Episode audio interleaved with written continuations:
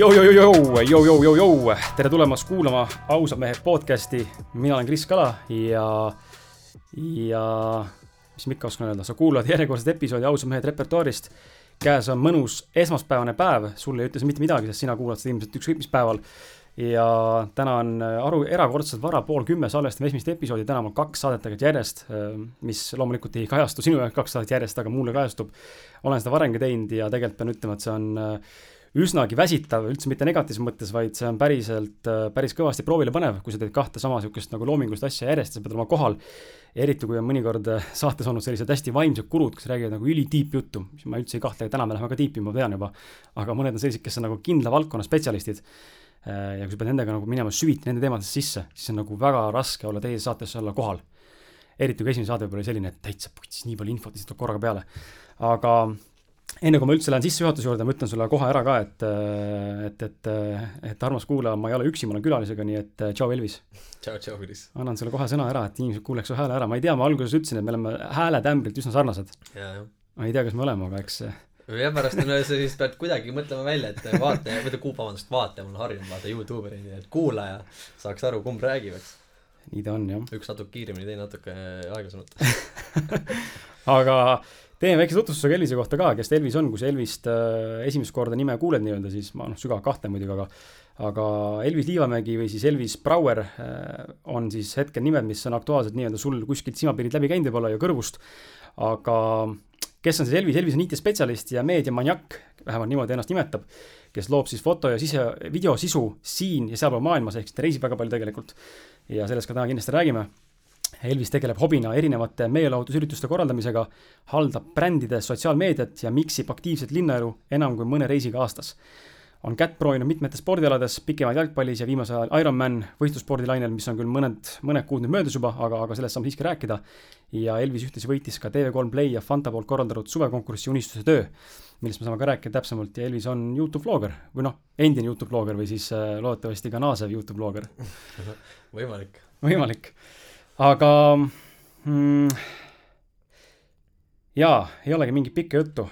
Elvis, kuidas läheb? ei saa kurta, huvitavad ajad on selles mõttes, nagu me põgusalt jõudsime juba vestelda siia, siiapoole jalutades, eks ole. aga huvitavad ajad ja mulle sellised ajad meeldivad, vaata, sellised ajad, kriisiajad, räägime siis koroonaviirusest ja kogu äh, sellest eriolukorrast, mis meil siin praegu kehtestatud on et võib ju vaadata seda alati kahte moodi, eks ju.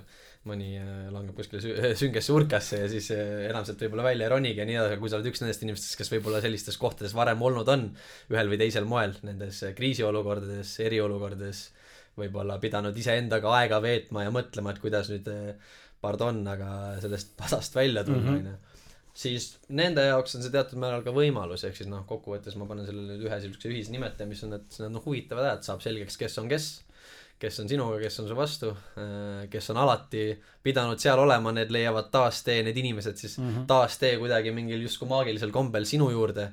ja no ma olen aura ja energia usku, nii et äh, ja ma näen, et see on juhtumas. ja samamoodi siis need pealiskaudsed haprad suhted ja nii edasi, et üsna kiirelt leiavad ka oma lõpu, et äh, selles mõttes ma olen, mulle sellised ajad meeldivad, et nagu, nagu hea sportlanegi pingeolukorras ärkad ellu, vaata, et sellisel ajal saab selgeks, kellel on närvi, kellel on sisu et jah, kõik haprad asjad eh, praegu lagunevad. see on üldse huvitav tegelikult elu mõttes, et me tegelikult pidime sinuga kohtuma eelmise aasta suvel äkki vist. Mul praegu meelde, meil ilmus saade Kristo Krummiga. Eh, kui sa seda armastus kuulaja kuulanud pole, siis mine kuulama, praegu peast ei mäleta, mis episood see on, kuuskümmend midagi vist või äkki isegi seitsekümmend või ühesõnaga ei mäleta, vahet pole aga et äh, Elvise saade pidi kuskil sinnasamasse kanti ilmuma, aga kuna ma tol hetkel äh, Martin, kes mu kõrval oli, siis mitte kuidagi üldse ei resoneerunud Elvisega, mitte et nagu Elvisel midagi viga oleks, aga kuidagi ei suutnud nagu kontakti luua selle mm, Elvise tegelaskujuga. Ja, ja mul enda ka kuidagi üritasin nagu mõtestada päris tükk aega seda, kuidas ma seda saadet üles ehitan, mis ma nagu räägin Elvisega. natuke nagu tean sind eelnevalt, noh natuke tegelikult ma tean sind päris palju eelnevalt, aga aga lihtsalt nii suur paus on nagu sees olnud inimeste vahel. ja ei ole üldse kursis, millega sa tegeled ja siis mõtlesingi, et türa küll, et millest me nagu räägime, ma ei oska nagu midagi küsida ka ja ja sinna see kuidagi jäi ja, ja ongi huvitav elu puhul näha seda, et, et ähm, varem või hiljem asjad ikkagi juhtuvad, lihtsalt juhtuvad järelikult õigel hetkel ja mm., ja siis, kui nad juhtuma peavad. et äh, täna on ilmselgelt siin sada korda parem vibe mul, kui oli tollal mm, -hmm. mitte et midagi oleks otseselt muutunud, aga, aga võib-olla ma ise olen nagu rohkem avatud või, või vastupidi, õige aeg lihtsalt. no vaata, see oli huvitav ka tegelikult, sa panid selle mingi postituse seoses selle viimase viimase, kas see oli artikkel, mis sa kirjutasid või no tegid mingi arvamusavalduse seal sotsiaalmeedias Facebookis ja. ja siis sa kirjutasid sellest reaktsioonist mm, -hmm. mis siis nii-öelda publikum, kuidas sulle vastati, eks ole. ja ma kirjutasin tegelikult, saatsin sulle voicemaili või kirjutasin sulle Facebookis nagu, et hei, et mulle tundub, et sa oled nagu mingil määral samas kohas, kus mina aastaid tagasi võib-olla ühe teatud selle, no me võib-olla jõuame sinna hiljem, selle jalgpalli case'iga olin, eks ole. räägime siis Kihla pettustest, et, et eh, mul oli täpselt sarnane, no mitte sarnane, ütleme, aga oma olemuselt sarnane olukord selle meediaga, vaata, kus sa saad hästi palju eh, edasi-taga, teed seda edasi-tagasi meediaga, saad igasuguseid vastakaid arvamusi ja nii edasi, eks ole, ja pead võib-olla siis enda eh, seisukohta kaitsma suht eh, võib-olla agressiivselt, eks ole, ja ma tundsin nagu sellel hetkel, ma mäletan, sõitsin hommikul tööl, istusin trammis ja ma lugesin seda postitust ja siis ma kirjutasingi sulle kohe lihtsalt, lihtsalt ju sellise motiveeriva, inspireeriva mm -hmm. sõnumi, et pea vastu, et nagu eh, sest ma tean, et selle, selle, sellistel hetkedel on nagu selline kahtlus lööb välja, et kas nüüd eh, muuta oma tõekspidamisi või noh, sa oled võib-olla oma asjaga piisavalt kaua tegelenud juba, et sa oled iseendale, oma minale, sisemisele minale piisavalt truu, et sind ei kõiguta enam. aga nendel hetkedel on alati see, et ma tunnen, et võib-olla kõik inimesed ei ole seal, kus, mm -hmm. sina oled, et see väike support või sihuke toetus goes a long way tegelikult vaata, et muidugi, sa aitad täiega ja kaasa. sealt meil läks asi tegelikult mm Mhm. -hmm. edasi, et vaata, kus sa kirjutasid, kuule, et peaks võib-olla ikkagi rääkima ja nii edasi, et energia klikkis, et tegelikult me minevikus ju, ütleme, ma ei tea, mitu aastat tagasi nüüd see on, aga ütleme üks seitse kuni kümme vahemik võib-olla mm -hmm. midagi Mhm. taolist. peaaegu et igapäevaselt mingi aeg olime koos, koos oma pundiga seal, käisime pidudel ja majapeod ja kuradi väljas ja loll, tegime lollusi ja mängisime kaarte ja jalkat ja ma ei tea, mis iganes veel, et just, meenutame majapeod onju Et,, mul on äh, selgelt meil üks hea vestlus veel kuskil Kokumäe, Kokumäe kandis seal mingil maja peal sinuga, kus oligi nagu suur m- mälu, läbu, pidu käis ümberringi, aga ma olin tollal ju see, kus ei, kes üldse alkoholi tarbinud, vaata, ma olin see ainuke jalgpallur, keda kõik teadsid nagu Elvis ei joo, vaata, et ma ei joonud ja me, sina ka ei joonud, ehk siis me, me just sattusime seal, mäletan, mingi purskkaevu ääres diskuteerima mm. -hmm. elulistel teemadel juba siis, vaata, mis tähendab, et okei okay,, no seal eriti substance'i võib-olla ei olnud või nagu oma isiksust ka eri, eri Üritasime välja kujunenud, aga, aga nagu saad aru, seeme istutati seal, vaata. ja noh, nüüd täna me vestleme siin ausad mehed, ausalt tegija nimi Ausad mehed podcast'is, vaata, et see rõhub, see nimi iseenesest rõhub iga kord südametunnistusele, kui sa seda kuuled, vaata, et kui sa siia tuled, sa ei saa paska ajada. see on huvitav jaa, see on väga huvitav ähm,. tahtsin äh, midagi seoses sellega öelda veel. selle mineviku teemaga mul ei tule meelde, aa, et me oleme sinuga selles mõttes hästi nagu sarnased, et äh, sa rääkisid sellest, et see mina mi,, min, minu nagu mina vorm on välja arenenud Mhm. äh, või nagu tugev isiksus. ja ma ise näen, mis mind elus on äh, drive inud, et äh, eks elukogemused inimestel on erinevad ja nii sul kui mul, et sellest sinust saame täna siin pikalt rääkida, et aga kuulajad juba teavad, mis, missugust sitta mina läbi olen elanud, elanud ja võib-olla see ei ole nagu mõne jaoks üldse suur asi, aga minu jaoks on olnud, et äh, aga ma näen seda, et see iseendale kindlaks jäämine äh, on olnud hästi tugev minu jaoks äh, nagu mingi niisugune nagu calling või nagu noh, ta on kohe olemas, missioonitunne, ma tean, mis ma, mida ma väärtustan, muidugi väärtused võivad ajas muutuda, aga mingil ajahetkel, kui ma olen paika otsustanud, et nii on, seda ma usun, nii ma teen, nendega ma suhtlen, ma teen seda selle põhjusel, ma ei tee seda selle põhjusel, ma olen selline, ma teen nii ja naa või mis iganes veel, et need on nagu hästi kindlad valikud. Ja ma arvan, et sinu puhul äh, ja minu puhul samamoodi, mis inimesi ühtepidi käivitab, üh- ühtepidi käivitab ja teistpidi inimestel tekitab meeletut respekti sinu minu vastu, on meie meeletu ausus ja otsekohesus. ma võib-olla siin liialdan, võib-olla see tundub, võib tundub nagu mitte õige, ma ei tea, see endale tundub, aga mulle endale vaadates sind ja mind läbi selle kümne aasta, tundub, et me tegelikult äh,, me seisame oma sõnade eest, aga teiseks on ka see, et me ei karda öelda asju välja, nii nagu asjad tegelikult on. mul nagu tegelikult nagu mul on siiralt täitsa ükskõik, no täitsa pohhu, mõnikord tuleb loomulikult sisse need vimkad, et türa küll, et äkki nagu ma peaks tagasi tõmbama või nagu ma ei tea, putsi äkki ma läks liiga kaugele asjaga. aga siis ma tegelikult, see, see double check küsimus kohe annab mulle teada, et tegelikult fuck you, kui sulle ei meeldi, ära fucking kuula. või Mhm. fuck you, kui sulle ei meeldi, ära vaata, ära suhtle minuga, mul ei ole vaja seda, et mulle tundub, et me sinuga oleme inimesed, kes suudavad nagu ühtepidi hirmutada inim-, endast eemal inimesi, kes meid ei teeni ja keda me ei teeni nii-öelda, kellel, kus pole seda sümbioosi või nagu energiavahetust mm. -hmm ja teisalt, teisalt me siis äh, tekime ka vastak, tekitame vastakaid ka, kus inimesed võib-olla saavad valesti aru, vaatavad, et üle, oo, Elvis on munn või tema Kristjan ülbe vend. mm. -hmm. ja mis on tavaliselt siuke üsna tavaline eel, esi, esmane arvamus või eelarvamus, no võib-olla siis sinu või minu kohta, aga noh, see selleks. ma mõtlen, et vahepeal ma kohtan inimesi, kes on võib-olla natukene puntras sellega, kus nad on, mis nad teevad ja kellega nad suhtlevad, aga tegelikult, tegelikult psühholoogilises mõttes ka ju see ei ole ju mingi uus öö, info, et sa oled oma keskkonna nii-öelda siis projektsioon, eks ole. ja noh, sa just tõid selle hästi välja, vaata, et me nii-öelda siis hirmutame neid teatud inimesi endast eemale, eks ole, ma ei ütlekski võib-olla hirmutama, aga mulle meeldib, kui me siin juba ropendama hakkasime, siis nagu ma olen, ma mõtlen endast ka kui, ma mõtlen inimestest üldse, kui igaüks võib-olla võiks sellega rohkem suhestuda, et sa oled justkui pasafilter. Mm -hmm. sa oled filter, vaata, ja nagu noh, vana hea ütlus oli, viskab sitta ventikasse, onju. et nagu sa oled see filter ja ka nagu nüüd enamik teebki selle vea, et sa üritadki olla tervele maailmale, kõigile. vaata, ei ole, sul on see raudne rusikas, palju need, mitme suhte eest sa tegelikult oma elus hoolitseda jõuad, sa on kõik kolm, viis, see raudne rusikas on ju, väga hästi läheb, võimekas mees oled ja võib-olla sul segavaid faktoreid liiga palju ei ole, siis kümme see on see sinu pere, sinu lähedasemad sõbrad ja tegelikult see ongi see ju, mille eest sa pead hoolitsema, see on see, millega sa purjetad läbi elu pasa, onju. sest no elu on raske, no nii-öelda elu on pask, loeb sellega, kelle, loeb see, kellega sa sellest pasast läbi ratsutad. Need, see on inetumal moel nüüd eh, serveeritud siis budism ehk siis life is suffering onju. ehk siis miks me nüüd nagu võib-olla see autentsus või iseendaga suhestumine tegelikult aitabki sul siis jätta sinna filtrisse nüüd kinni need inimesed, kes seal kunagi olema ei pidanudki mm. -hmm. ja samas leiad üles need üksikud, kellega koos sa võid teha suuri asju, eks ole, on see siis isiklikus elus, karjääris või milles iganes, vaata. sul ei olegi nii palju neid vaja, mida ma tegin just eelmine nädal kustutasin oma Instagrami konto ära, eks ole, megaturundusvahend.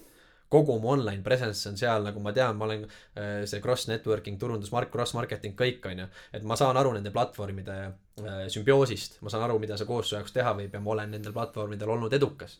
Minu teadlik valik on nüüd äh, kustutada üks neist ära, miks, sest ma tunnen, et mingil hetkel aeg-ajalt vaata ja me kõik võib-olla tunneme seda, saab see segavaks faktoriks, see mm. -hmm. see viib su eemale sellest, kes sa tegelikult oled, sellest oma minast, eks ole. ja, ja kui see hakkab lagunema, siis eh, mul ei ole seda probleemi, enamik teebki selle vea, et ta laseb selle läbi ja nad muutuvad.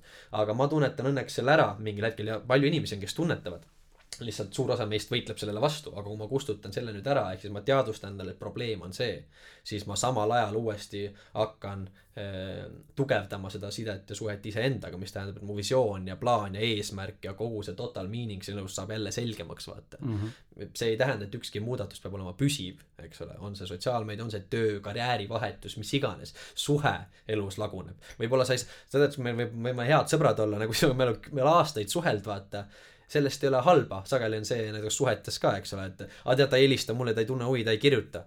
nagu vaikimine on ka vahel okei okay. mm. -hmm. vahel on vaja distantsi, meenutada endale selleks eh, seda, kes sa oled, kust sa tuled, mida sa mõtled ja siis sa lähed suhtesse tagasi iseendana, muidu sa muutud seal kellekski teiseks ja kõik asjad lagunevad, ühel hetkel sa istud selle tohuvapuhu otsas ja mõtled, mis juhtus, vaata. ma ei suhestu enam oma hingega, ma ei tea, mida ma elult tahan ja meil on neid inimesi ju palju. Ma ei tea, mida teha, minna kooli või minna tööle või mitte minna tööle, olla sportlane, mitte sport, võtta see, alustada seda podcast'i, teha midagi, mida ma tahan, hakata küpsetama seda kooki, sest mulle meeldib see, onju, või mm -hmm. ei minna iga päev sinna sammu üheksast viieni oma kontorisse, teha tööd, mida ma vihkan ja nii edasi, eks ole, et noh, see kõik, see kõik on seotud, vaata. hea tiip, mulle meeldib nagu haige, mulle meeldib, ma tunnen, et äh, sinuga on hea vestelda siin ja, ja mõnus vibe on, sest et äh, ma juba noorena, üks kümme aastat tagasi, kui ma hakkasin kõiki neid asju uurima ja kõik see vandenõu, kõik see pask mulle tuli juurde sinna, kõik see vaimne pool ka, siis ma üsna ti-, üsna kiiresti märkasin, et ma ei viitsi rääkida pealiskaudset sitta. Mm. nagu öl- no see on tänaseni jäänud, mulle üldse ei meeldi noh, niimoodi, et ma kellegi, ma, jaa, ma võin kuskil mängida kaasa mingi lolli ja teeselda niimoodi, et joo, joo, jaa.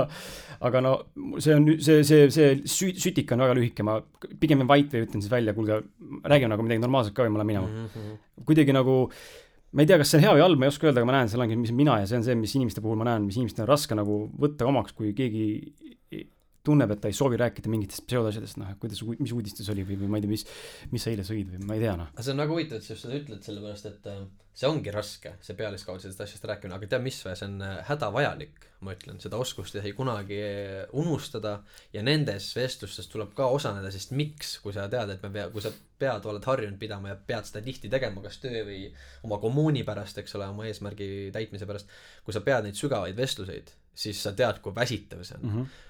Paar tundi sellist äh, diskussiooni ja ma tunnen, et mul nagu see päev on maha kantud, ma pean maga-, ma võin teha neliteist tundi tööd, ma teen viisteist tundi Ironmani teha, saad aru, ma võin sõita rattaga kakssada seitsekümmend kilti. see ei ole nii raske. ma võin olla kümme tundi üleval, aga kui ma sellise vestluse, ma olen väsinud, ma lähen koju, ma magan, ma mõtlen selle üle, see on nagu pikk ja see on, no aju, see ei ole mingi saladus, eks ole, toitumise äh, asjadest natukene korraks siia põigates, aju põletab meeletu hulga kaloreid mm -hmm. ka, Mhm. eks ole, et äh, noh see on tõeliselt väsitav ja see pealiskaud, miks ma tulen nüüd tagasi selle juurde, on see, et see pealiskaudne vestlus on puhkus.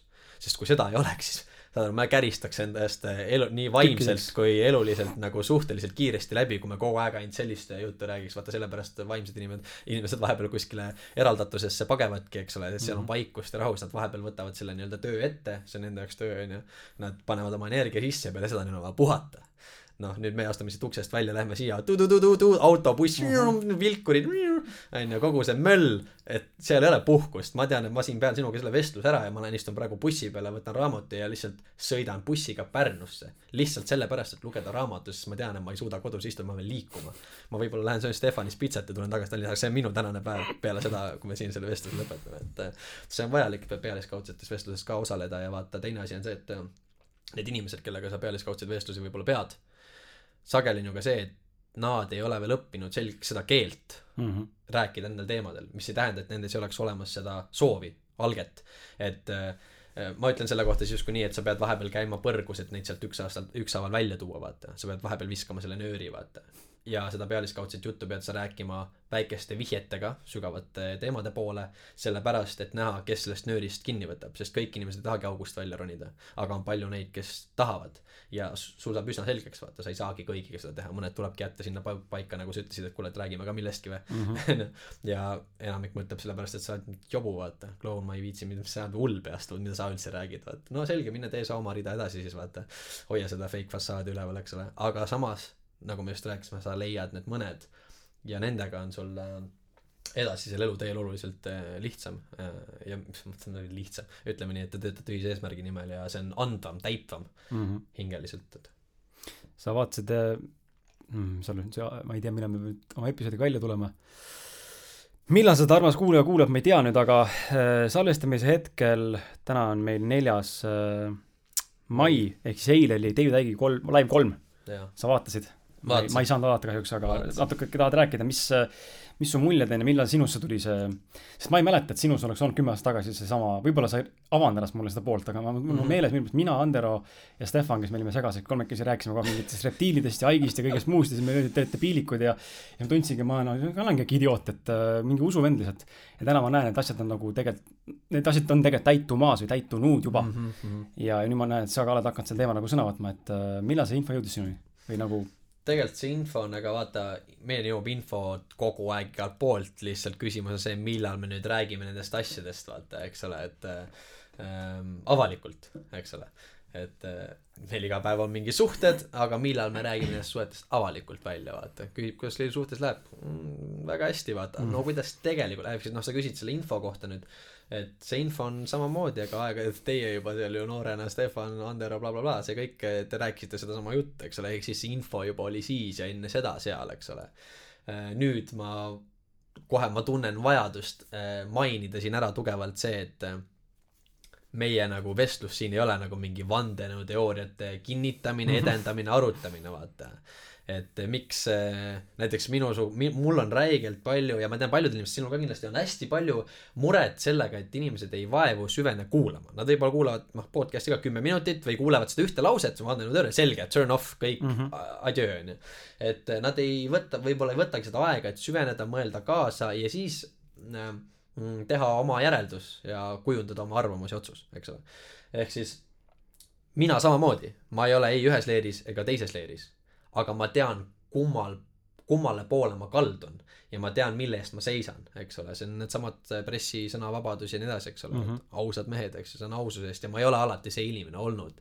ehk siis, kui sa küsid nüüd, et millal see alguse sai, vaata, et no eks minu see nii-öelda halb sõna, aga autoriteedi vastasus heas mõttes, eks ole, vale autoriteedi mm. -hmm. vastus, mul ei ole probleemi äh, järg, järgneda heale juhile, eks ole, mul ei ole probleemi minna sõtta öö, oma vend, oma vendadega, onju, aga mul on probleem türanniaga ja kõige sellisega, vaata, eks ole. ehk siis ja kui sa nüüd küsid, et millal see hakkas, siis ega minu jalgpallilugu ja see kõik oli ju tegelikult sisuliselt sama asi.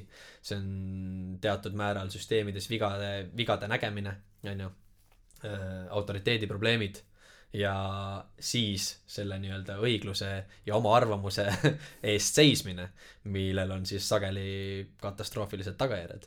et äh, see algen, see on, sisu on alati seal olnud, vaata, me ütlesime, see jookseb mööda vereliini või, või mööda geeni, vaata, või hakkab juba väga varasest peast kuskilt pihta, küsimus on lihtsalt, millal käib see plõks ja selleks peavad elus mingid asjad juhtuma, on need traumad või rasked läbielamised, aga et justkui pilt oleks selgem, see, millal sa siis saad aru, kes sa oled, on ju, milline, mis on sinu tähendus, millised on sinu oskused, võimed, mis on mulle antud, see hääl, see füüsis, see keha, see on vastupidav, vaata. ja see ei ole mulle isekaks toimetamiseks, see on selle jaoks, et pidada vastu siin selleks mm, -hmm. Mhm. et sinna teisi inimesi ka vaata. ehk siis äh, millal ma, küsimus oli pigem selles, et millal see info minuni jõudis, vaid küsimus oli pigem see, et millal ma võtan vastutuse täita oma kohustust, on ju, sest aju äh, kõnevõime, verbaalne võimekus, äh, võime analüüsida teksti, süveneda, see ei ole nagu selline mingi lihtne asi, vaata, et äh, need on teatud võimed, mis on teatud inimestele antud, ma olen selles täiesti kindel, et küsimus on, mida sa nüüd nende võimetega peale hakkad, ma võin kasutada neid asju väga halbadel eesmärkidel. ma võin kuhjata äh,, värvata enda ümber inimesi ja panna nad tööle väga katastroofide, katastroofilistel eesmärkidel, eks ole, mida noh, võta, võta fašism, kommunism või mis iganes, eks ole. et äh, totalitaarsed ühiskonna sellised süsteemid, ülesehitused ja sa võid kuhjata meeletul hulgal halba äh,, nii-öelda külvata sõda äh,, kuhjata äh,, teha halba äh,, ohverdada elusid ja nii edasi. nüüd sa võid kasutada neid samu isikuomadusi millekski heaks, eks ole avada inimeste silmi, panna nad mõtlema ja kui nüüd on küsimus see, et me tuleme tagasi korraks selle juurde, et enamik inimesed otsib siis mingit mm, kuidas siduda seda äh, sellega, et sul on mingid kasud sees, eks ole mm -hmm., näiteks, et no väga hea on seesama olukord, eriolukord praegu siin, mul on kohvik näiteks, ma hoian kohvikut lahti, eks ole, inimesed kohe, aa, sinu jaoks on see raha ja äri, vaata no okei okay,, ma saan aru, miks meedia postitab, mainstream meedia postitab ühte sorti teemasid ja artikleid ja müüb teatud kaupa, ma saan aru seal on konkreetne äriline huvi. nüüd küsimus on see, miks mina, mis, mis huvi minul selles sees on, et ma postitan selliseid teemasid, räägin sinuga siin sellisel teemadel, see on ju häving minu jaoks. see on äriliselt häving, ma kaotan suure osa oma sõpradest, inimestest, et ma nendel teemadel üsna agressiivselt räägin, on ju, ja see ei ole mingi uudis, ma olen ennem selle, selle tohuvapohu ühe korra läbi teinud, vaata, kas või jalgpallikommuun tuli välja, palju seda sõpru oli, null. heal juhul üks, et kui habras see kõik on mm, -hmm. vaata, see isekas maailm, see nii-öelda ainult ise, ainult mina ja igaüks ronib, inimesed põhimõtteliselt ootavad momenti, et ronida sust üle, et kehtestada ja kinnitada oma parem positsioon, eks ole. ja nüüd eh, noh, siis ongi seesama olukord praegu, et mis kasu minul sellest siis on, eks ole, see on ju ainult kahju, aga ometi ma teen seda, eks ole, et eh, vahepeal tuleb tagasi minna selle juurde ja mõelda nagu, et tal ju ei ole sellest midagi võita, miks ta teeb, järelikult me jõuame sinna, et see on mingi suurem eesmärk, see on uskumus, vaata, see on mm -hmm. veendumus. iseendale kindlaks jäämine, oma inimeste ülesotsimine siis süsteemist ja siis sul ei olegi nii palju vaja. sul ei ole nii palju materiaalset vaja, kuigi materiaalne tuleb alati, kui sa äh, nii-öelda siis liigud äh, õigel teel, noh, nii-öelda siis usud iseendasse ja, ja leiad need inimesed enne kui lähme sinu loo juurde, ma tahan, et sa natuke räägiksid enda niisugust võib-olla mingeid verstaposte või nagu milstone'e ka. Äh, elukaaslane pani meile siia kaasa midagi. nii. vegan äh, kodune banaanileib. äge. oled sa valmis? absoluutselt, me just üleeile tegime banaanileiba ise ka, aga see ei olnud vegan, oi. ja, ja väike söök juurde ja. sul on äge pusa ka seljas, sul on real food has mud. Not blood. Not blood, okei okay., et kerge muda maitse on juures, väga hea ma tegin nalja. ja inimestele võib-olla, mis mul eelmine tuli meelde praegu, vähemalt praegu tuleb meelde, siin söömise ajal, et sorry, kui ma mätsutan siin, aga nii on lihtsalt, et mul tuli meelde sinu see vlog, ma vaatasin sinu seda Ironmani videot mm -hmm. pärast, mis oli järgmine seal, kus sa rääkisid sellest kogemusest. ja sa ütlesid ka, et sa jõid seda alkoholivaba siidrit ja, ja siis tegid nalja, et isegi kui see oleks alkoholiga, siis mul oleks pohhu see minu vlog. mul on nagu sama asi siin podcast'is ja mul on päris palju inimeste poolt kirjutatud, armsad kuulajad, ma austan sind ja, ja hindan sind ja armastan sind ja olen väga tänulik aga kui sulle midagi ei meeldi, siis sa ei pea seda kuulama mm.. et see on minu, minu podcast ja ma teen seda, mida ma tahan ja kuidas ma tahan, olgu ta matsutav suu või mitte matsutav suu. päris paljud on kirjutanud mulle niimoodi kahe aasta jooksul, et kurat, natuke palju ropendad mm. -hmm. So what, nagu ja. paar sõna siia-sinna. noh, mu lauseehitused ikkagi, ma arvan, on normaalse sisu jõuab inimestele kohale, et oleks ta roppus roppuses kaks tundi järjest, siis ma saan aru. aga minu, see on minu podcast. kui sulle ei meeldi, siis ei pea kuulama seda. jah äh jah, jah, ja jah, ja, ja ühe koha pealt ma ütlen ka ei, on see, et äh, see ongi sinu podcast, ma ütleks, mul oli vlogiga sama asi, aga minul äh, nagu näiteks mõtte osas on vlogiga see, et äh, mida, miks, miks mul enamike sisuloojatega probleem. väike probleem, ma ei taha öelda probleem, vaid ütleme, mul on väljakutse, eks ole, et ma pean ütlema väljakutsega olemas, mul on probleem. mul on probleem sellega, kui ja ma olin ise kunagi seesama inimene, kui inimesed ei võta oma tegudest vastutust. ehk siis lihtne on teha sisu oma magamistoas rääkida, ma ei tea, mingist kuradi meigikraamist või tont teab mis muust jurast onju. ma ütlen nende kohta nii-öelda pudingudiilid, vaata. et kui sulle saadetakse postkasti pudinguid ja no mul saab, ma saan neid kirju samamoodi onju ja enamik koostöid mul ei realiseeru, sellepärast et ma ütlen otse välja, et saatke mulle siis see asi, aga arvestage, et nagu ma ütlen ausalt välja ka, kui see on jura, siis see on jura, vaata. ja ühesõnaga, aga mida nemad siis teevad, nad müüvad instantselt oma sisuliselt kogu oma sisu ja hinge ära, aga nad ei võta vastutust sellest, et see, mis ma seal ütlen ja teen, programmeerib teisi inimesi, onju. ehk siis, kui mina nüüd noh, tulen korraks tagasi nüüd selle juurde, ma jõin ka oma vlogis Ceylon siidrit ja õlut võib-olla onju, sest see on reaalne elu, autentsus on minu jaoks nagu väga oluline, vaata, ma näitan asju ilma filtrita ja sageli ilma töötlemata, see see podcast on ka siin selline, kus mõni kuulab ja talle üks või kaks või kolm asja ei meeldi.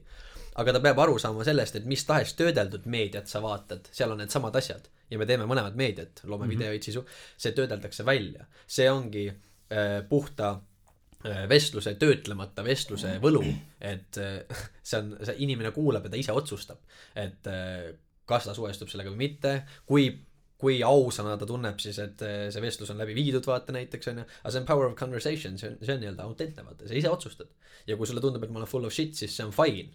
tuligi välja, et sa ei olnud minu inimene ja ma sinu oma ka, ärme raiska aega.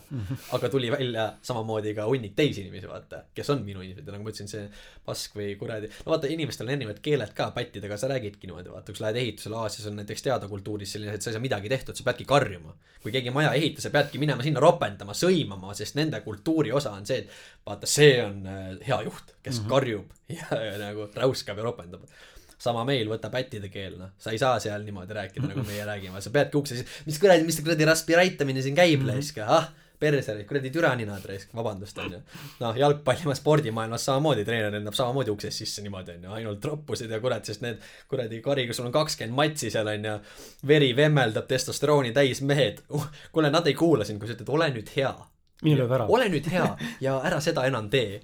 pagan küll, no see ei toimi, vaata, oleme ausad, sealt tulebki see seesama onju ja noh sellepärast mõni neid sidesõnade asemel kasutabki eks ole lause algus lause algab sellega lõpeb sellega aga tagasi tulles jah siis selle võib-olla vlogi sisu juurde ja nii edasi ma panen selle välja sinna sellepärast esiteks see on reaalne elu teiseks ma leiangi üles oma inimesed onju Mhm. kes võtab seda ühte asja ma teen vlogis suitsu ma ei tee suitsu ma ei ole elu kunagi suitsetanud aga ma teen vahepeal suitsu onju miks vahepeal sa pead tegema midagi et meenutada endale kui väga seda teha ei taha ma ei ole suitsetaja, aga kui mul tuleb suitsuisu, ma lähen ostan paki suitsu, ma teen selle ühel õhtul ära, ma joon ennast täiesti purju, vaata võib-olla. ja siis ma tean, et ma, mulle ei meeldi juua ja mulle ei meeldi suitsetada, sest mu neel ja lümfid on paistes ja mu sportlikud tunnused kannatavad ja ma ei suuda neli päeva mitte midagi teha, vaata.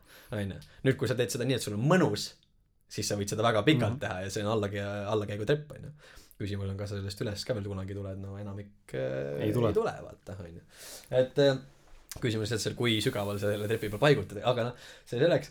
igatahes, kui ma nüüd seal vlogis ütlengi selle välja, siis äh, mul ei olegi probleemi, ma teen seal ühe suitsu ja keegi ütleb, aa ta teeb suitsu. no selge, aga tule võistle minuga siis. tahad võistelda või? tule teeme kaks raundi tai-boksi, tule, tule võist-, tule tee Ironman ära vaata ja ma ei võta siin, ma ei ütle neid asju ego pärast, vaid ma ütlen sellepärast, et vaata suurt pilti. kui sa teed nii rasket asja, siis sa võib-olla teed ühe suitsu, vaata, ma võin teha ühe suitsu, aga ma teen seda ja ma toitun muidu korralikult, eks ole, vaata, kuidas ma välja näen, vaata, kuidas ma ennast väljendada suudan ja nii edasi. ja nüüd mu küsimus on sulle siin, näiteks sina, okei okay,, sa ei tee suitsu, charge isid mind siin selle eest, et ma võib-olla ühe siidri selle sõin, seal vlogis sõin, vaata. aga mida sa õige teed, vaata. mul ei ole probleemi, kui sa tuled ja ütled mulle näiteks noh, treener, kes ütleb sulle, tee viiskümmend kätekõverdust, vaata. teen, aga näita ette. vaata, minu suhe autoriteediga on see, vaata. sa õpetad ja treenid siis, kui sa ise oled selle läbi teinud kogemuse põhjal, õpitu põhjal, mitte see, et teoorias on nii mm, -hmm. seepärast mul oli ka õpetajatega koolis kogu aeg probleeme, vaata, kui sa oled ainult oma ühes kitsas valdkonnas väga hea, ilma mingi kogemuseta, siis millest sa räägid, vaata. see on illusioon, see on fantaasiamaailm, see peab olema, aga see on meil igalühel individuaalne, see ei ole selleks, et kellelegi teisele selgitada, kuidas asjad olema peaksid, vaata. et äh, sel juhul tule näita ette, tule esita väljakutse, võitle ja mul on kakskümmend spordiala, ma luban sul valida kaheksateist ja ma luban, et ma võidan sind äh, viieteistkümnes või kaheksateistkümnes. hea on, kui sa kahes võidad. et nagu okei okay,, ja siis tuleme tagasi selle juurde, ma tegin selle ühe suitsu, jah, sul on õigus. kas ma olen sellepärast kõnts, no eks igaüks otsustab ise, mm. -hmm. olen ka. nii on jah, ma täitsa nõus sinuga. aga lasengi sul rääkida siin mm,. võtame siukse jah, milstone throwback'i ma ei tea, kus sa tahad alustada, kus sa tahad lõpetada, aga kuidagi jõuame tänasesse päeva välja ja siis hakkame küsimustega minema ja teemadega minema nagu eh, otsapidi edasi, et eh, võib-olla sa juba midagi, midagi äkki vastad ka mulle siin, siis ma jätan need vahele, aga aga, aga vaatame, kus see jutt läheb mm. -hmm. et öö, mis see küsimus oli? no sinu sihuke nagu ah, pilguheit, kus sa oled tulnud või siukest, mis on sind kõige rohkem elus mõjutanud, mis on, mis on teinud selle Elvise, kes sa oled täna? no fast, kiirelt käin üle siis uh,. noorel mängisin tennist, onju, ma just saan üks kakskümmend kaheksa Tallinnast, Elvise vallaline. Ei, kasvasin üles Tallinna vangla juures, seal magasin ju tänaval ühes lagunevas puumajas esimesel korrusel. Eesti torusüsteemi õietigi olnud, vaata nädalas korra sõit, need ajad olid siuksed mm, -hmm. kes mäletab, kes mitte, oligi nii, vaata, et vahepeal sööd Keedu tatart nädal aega kopukoorega, vaata, sest ajad on kehvad ja siis teisel hetkel võib-olla saad jälle restoranis midagi head süüa, vaata, et no mul isa oli mm, kõrtsmik. Noorena, ehk siis kuus korra sai alati minna kuskile välja sööma, vaata, see oli nagu ikka kõva teema, vaata. privileegid. Privileegid muidugi, nagu taksoga kõik värgid-särgid, ema ilusti riidesse pandud, vennaga koos läksime, vaata, noh, tead, isa ise teenindas, vaata, no äge värk, vaata. Et ähm, lapsena vaatad asju teistmoodi, vaata. ja noh, siis oli see, see oli äge amet ka, see oli au sees, vaata, nii.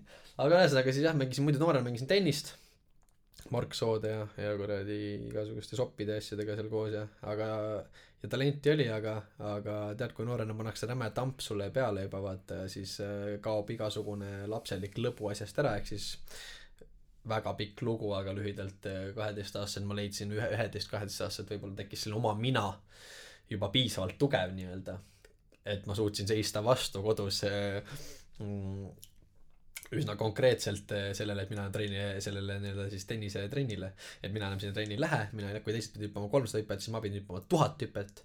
onju, nagu tamp oli nii suur peal, ma vihkasin seda trenni, kuigi ma olin selles hea, vaata. ja ma otsustasin, et ma ei taha pargis poistega jalgpalli mängida, oli alati tore, vaata see, see oli nagu see, kuhu tõmbas, tennise, tennisetrennis tulid reked kiirelt nurka ja vutti mängima mm., vaata, sest seal oli nagu elu, vaata, seal oli rõõmu, see oli sotsiaalne, vaata, ja no ma olen suht suhtleja inimene, vaata vahepeal üldse ei ole, aga mida rohkem suhtled, seda rohkem tahad mitte suhelda, vaata. aga, ja siis ühesõnaga ma otsustasin, ma lähen jalgpallitrenni, vaata, ma ütlesin, mina lähen tennisetrenni teed, lähke tehke, mis tahate. ja tennis oli omal ajal väga kallis, noh, sul tolle, see oli jõhkralt kallis, kuussada krooni äkki või, per koon, vennaga koos nagu. vanemad sisuliselt selle nimel töötasidki, vaata.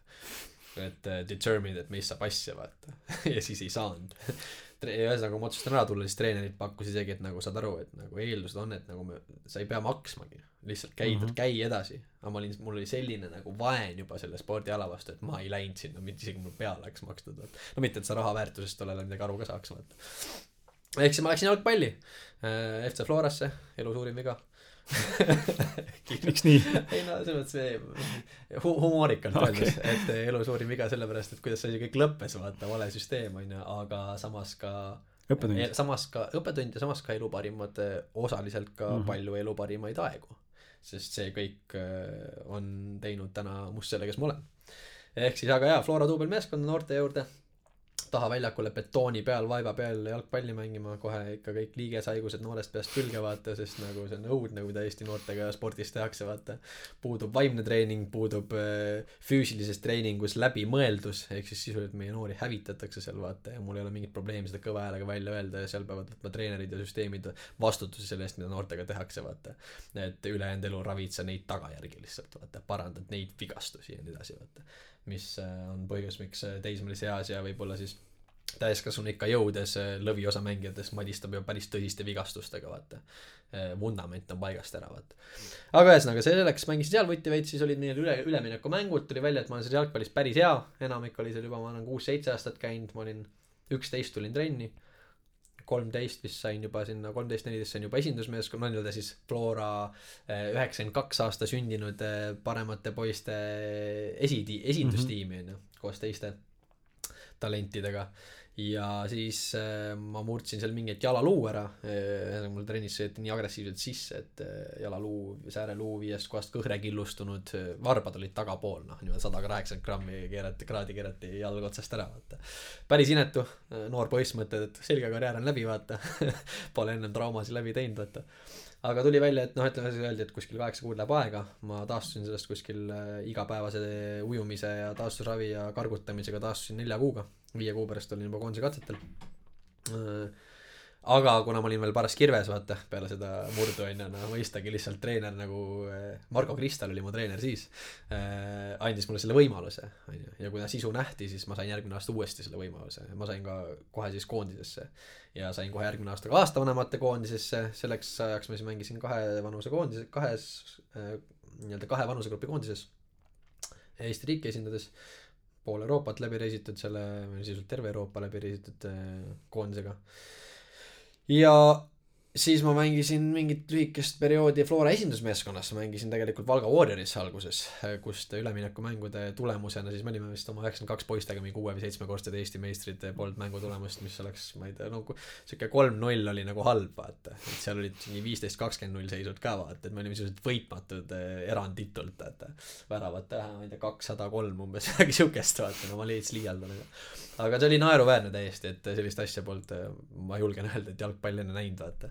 Et ja selle ümber oli päris palju kisa-kära teemat ka, vaata. ühel hetkel, kui jalg, jalg, vanemad siis kokku koguti, Marko Kristel pidas tollel ajal neile ühe kõne, et vaata, teie meeskonnal on selline potentsiaal ja sellised, sellist tüüpi mängijad, et üsna pea hakatakse tulema teie juurde ja üritatakse võistkonda ära lammutada ehk siis, et liiga nii-öelda üleüldist taset tõsta mm, -hmm. võetakse siit killud, jagatakse erinevatesse meeskondadesse, mis täpselt niimoodi ka võib-olla aasta-paar hiljem juhtus eks ole. noh, seda ei võeta tõsiselt, sest see maailm on selline, et ikkagi igaüks muretseb oma lapse pärast ja peaasi, et mina ikka välja saan, vaata. ühesõnaga, see meeskond hävitati, mis tähendas, et äh, polnud enam sellist motivatsiooni, paljud lõpetasid üldse spordi ära, paljud leidsid oma siis allakäigutee, vorm hakkas langema, motivatsiooni ei olnud enam, seda sotsiaalset elementi ei olnud, sest me ei olnud ainult jalgpallimeeskond.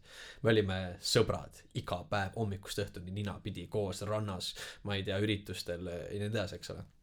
et see on natukene sa võitled teisel eesmärgil, sellepärast mm -hmm. me meeskonnana hästi mängisime ka, ma võisin pimesi anda selja taha üle õla äh, Erki Junalainenile kuskile mingi passi, sest ma teadsin, et ta on iga kord seal, vaata, onju.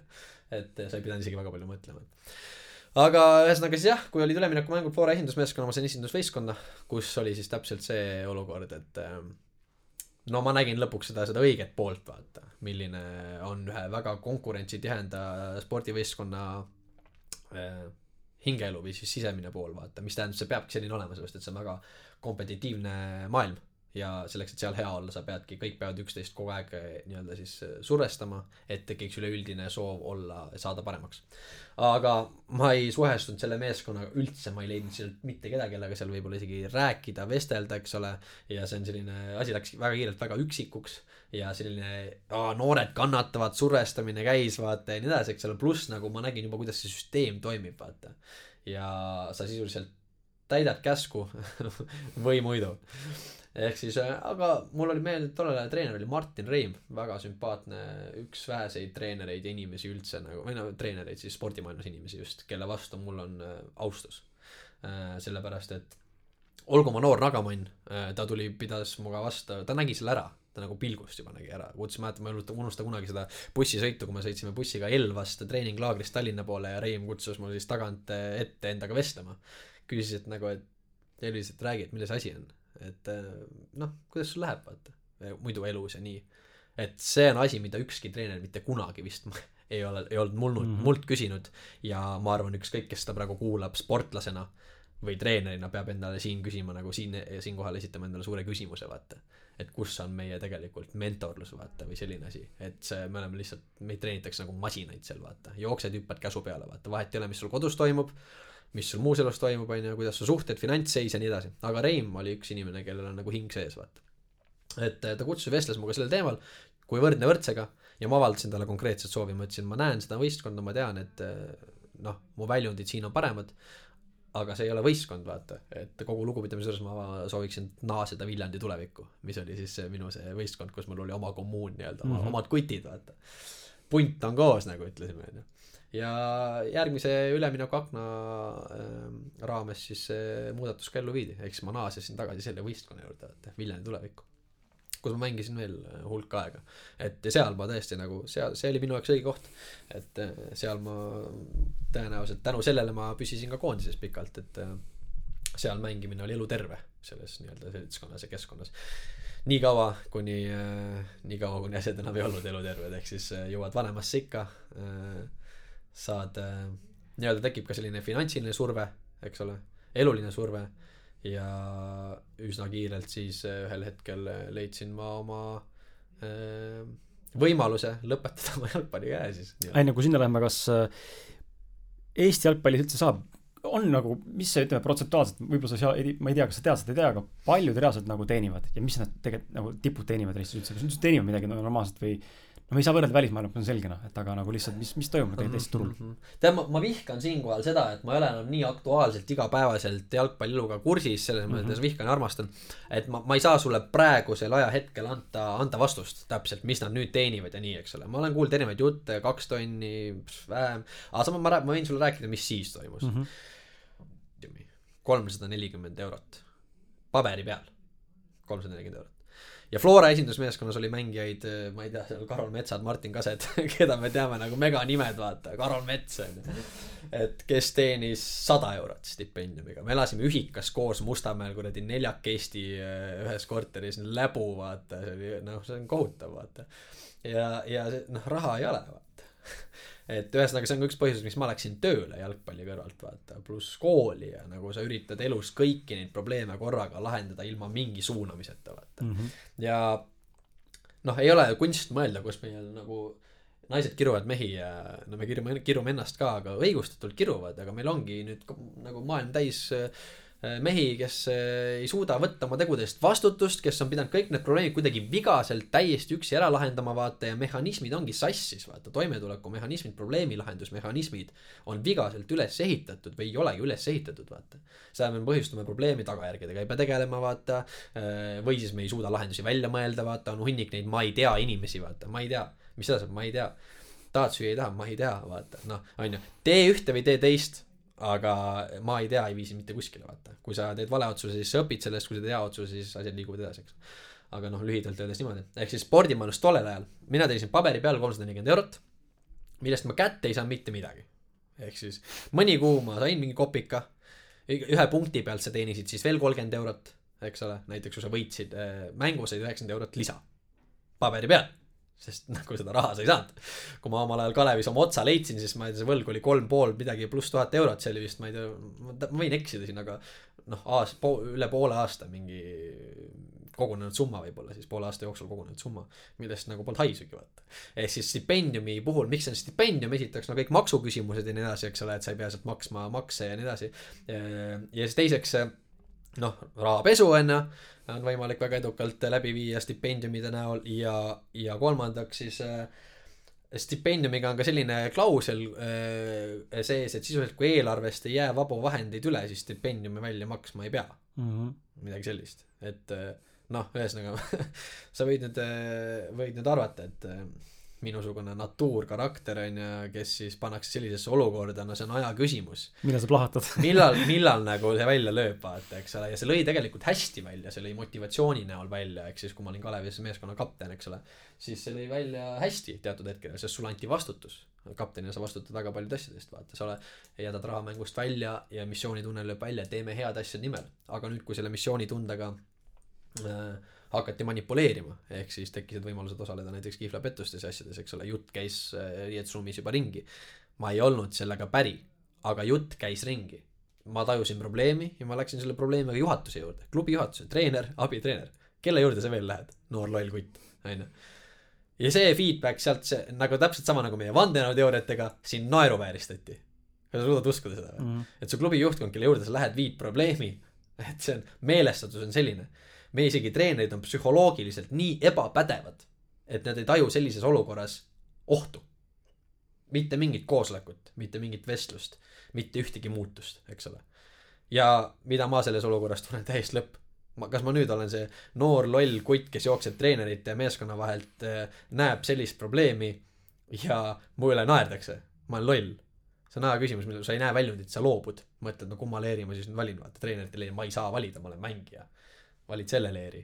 ja ma ütlen, no selge, see oli just nüüd see koht, kus minu isikuomadused, mis võivad teha väga palju head äh,, hakkasid toot-, tegema väga palju halba. ma võtsin teise rolli, mõtlesin selge, kui on niimoodi, no siis miks ma peaks ainus olema, kes ilma jääb, vaata. pane oma ajud ja mõistus ja kogu see energia tööle siis äh, enda kasuks, isekal eesmärgil.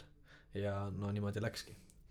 niikaua, kuni äh, me vahele jäime, ma vahele jäin ja oligi kogu lugu sealt, sealt mul olid veel sellel ajal kusjuures lepingu pakkumised, või tähendab siis testimise pakkumised äh, Kreeka kõrgliigast ja Partsa- äh,, tähendab mitte Barcelonast, vaid Hispaania teisest liigast.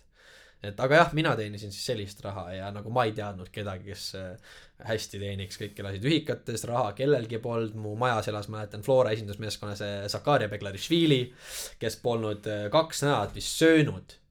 jutt oli see, et äh Andrei Äh, veis, viis talle, viis ta siis, kas viis talle süüa või ma ei tea, igasuguseid jutte liikus, see on jutt, eks ole, või käis ta kirikus äh, almust palumas või no ühesõnaga, olukord oli väga kehv, eks ole, seal oli veel mängijaid, kes pidid kerjama kuradi oma üürirahasi ja ja kui Flora ei maksnud, Floras oli ka see olukord, palkasid ei makstud pikka aega, vaata. ja lepiti kokku streik, mängijad ei tule trenni, eks ole. ja siis äh, maksti sisuliselt meeskonna kaptenile, paarile häälekamale vennale et nemad siis tuleks trenni, come on, vaata, sa maksad juhile, ütled motiveeri ülejäänud satsi, vaata.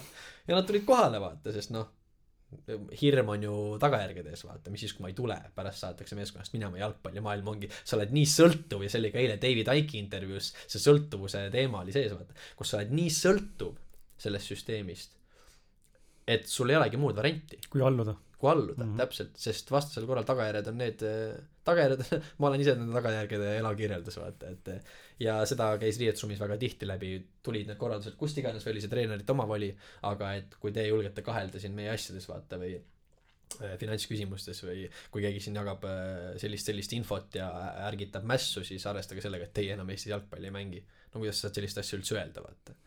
Ja no ega ei ole võõrad jutud äh, vanemate survestamisest ja nii edasi, vaata, et siin noh see ei ole terve keskkond, ütleme nii, et ma ei ütle, see on vajalik mingil määral, eks ole, seal on palju parandada, ma näen seda, ma näen kohta, eestlane, eestlane on kõva äh, natuuriga tegelane tegelikult ja meie geenid ja võimekus on suur, me võime spordis olla väga head. sellepärast meil on mõned maailma tipud spordis, eks ole, sellest väiksest riigist. Äh, et äh, me võiks selle potentsiaaliga midagi targemat teha, aga meil on vaja tervemat süsteemi. Mitte sellist korruptsiooni, mentoreid psühholoogilisi aspekte implementeerida rohkem treeningu, treeningfaasidesse ja nii edasi, eks ole, et see ei ole okei okay., ma toon sulle lihtsa näide, jõutreening. ma kaalun kuradi kuuskümmend kaks kilo ja siis mingi vend kaalub kaheksakümmend viis kilo, me teeme sama kangiga see mingit seljaharjutust, et no see ei ole reaalne, vaata, mul on vildakas selg kümme kraadi vasakule poole, ma tegelen nende probleemidega eluaeg, eks ole. eluaeg tegelen, et seal on su tagajärjed. Et võib-olla vastab su küsimusele, aga rahaliselt ei, raha me ei mm -hmm., raha me ei teeninud.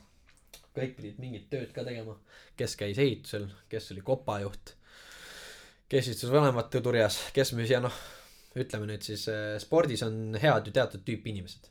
teatud, vaata Itaalia kuradi koondist on ju, või nagu Itaalia jalgpallurid seal ei ole, see eelmine aasta tuli välja mingi kaksteist matši müüsid äh, terrorismirühmitustele relvi, onju ja nad on head sportlased, miks, see on teatud sorti natuur, see ongi see, see ongi see ähm, nii-öelda siis äh, ülbem, selline agressiivsem ähm,, natukene selline ähm, vastuhakkajam tüüp, eks ole, võib-olla kriminaalse kalduvusega vägivaldsem, eks ole, tal on autoriteediprobleemid, seda tüüpi inimene on spordis hea, see on sõdalane, eks ole mm., vanas mõistes, see on see kütt.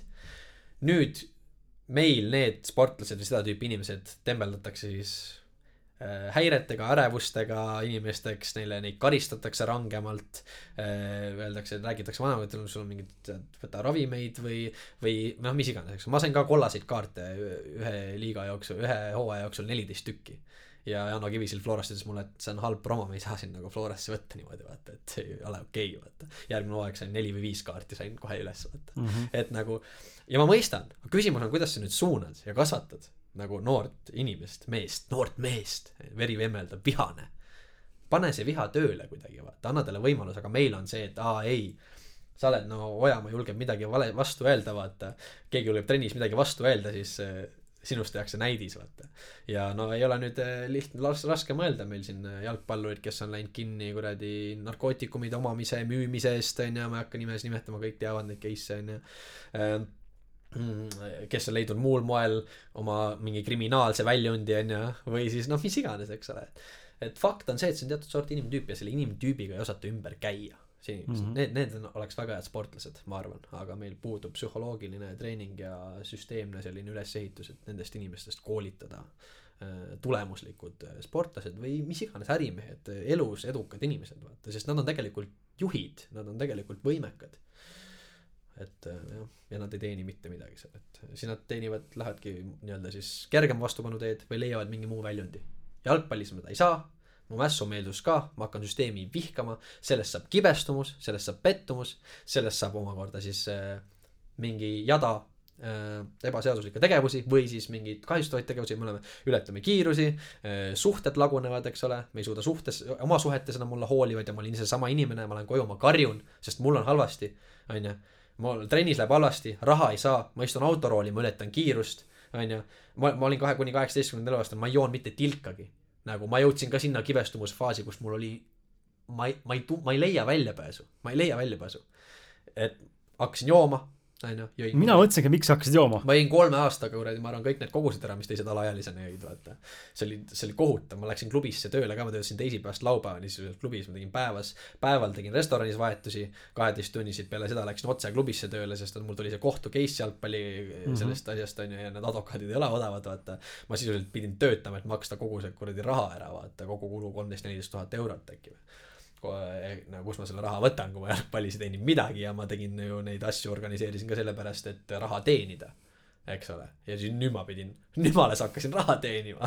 ehk siis oli võimalus, lihtsalt olukord oli nii hapu, et nüüd mul oli vaja kuidagi midagi muud välja mõelda, aga ma töötasin klubis teisipäevast laupäevani, jõin, noh, lõviosa nendest päevadest, vaata. ja no see oli korralik enesehävitus, mis oli ka omaette vajalik, et jõuda kuskile kohta, vaata. aga raha me ei tee, raha ei teeninud ja, ja aga see nagu, mis see kihlv ja pettus nagu tähendab? nagu mis sa siis nagu lühidalt, mis sa korraldasid siis, kaotasite meelega või kuidas sa nagu, mismoodi see nagu eras veel nägi? sisuliselt küll jah sisuliselt kaotad meelega aga Me- noh kuna kuna jalgpallimeeskonnas on rohkem mängijaid kui üks siis üksi sa ju ei kaota kui sa ei ole väravaht ja ei ma ei tea löö seda Kaitsevend ei ole. see kaitsemees kes üritab peaga iga nurgalöögi ajal seda oma väravasse lüüa. No liiga läbinähtavaks. Aga sisuliselt küll jah sa kaotad. Ja kuidas sa kaotad?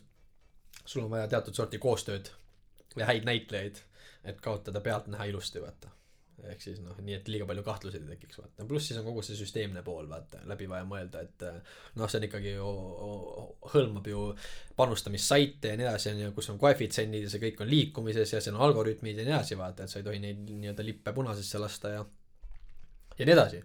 Aga sisuliselt sul on vaja jah mõnda mängijat mingit seltskonda mängijaid kes töötaks ühise eesmärgi nimel milleks ei ole võit vaid on kaotus ja kui sa selle kas siis skoori peale või kuidas iganes edukalt läbi viid siis noh tilgutatakse põrssast sulle ka paar senti vaata ütleme nii onju sellel ajal sa mõtled sa oled kõva gängster vaata teenin plekki veits vaata onju et äh, klubi ei maksa vaata et siis noh on muud variandid vaata aga ega kui sa oled noor loll ja ma nüüd räägin sulle vigasest meeste kasvatusest onju et äh, tagajärgedest ja tagajärgedele esiteks keegi ei mõtlegi ja kui need tulevad siis ei võta keegi nendest vastutust vaata ja ei ole tänase päevani võtnud vastutust mm -hmm. sest et äh, noh ma ei pea vajalikuks ja ma räägin ainult enda asjadest inimesed äh, on on inimesed kes kas on selle muul äh, moel juba selle karistuse kätte saanud või siis küll see kummitab neid terve elu või siis nad saavad selle kätte et mina räägin siin oma tegudest ja mul ei ole selleks päevaks täna sellega täna enam probleemi sest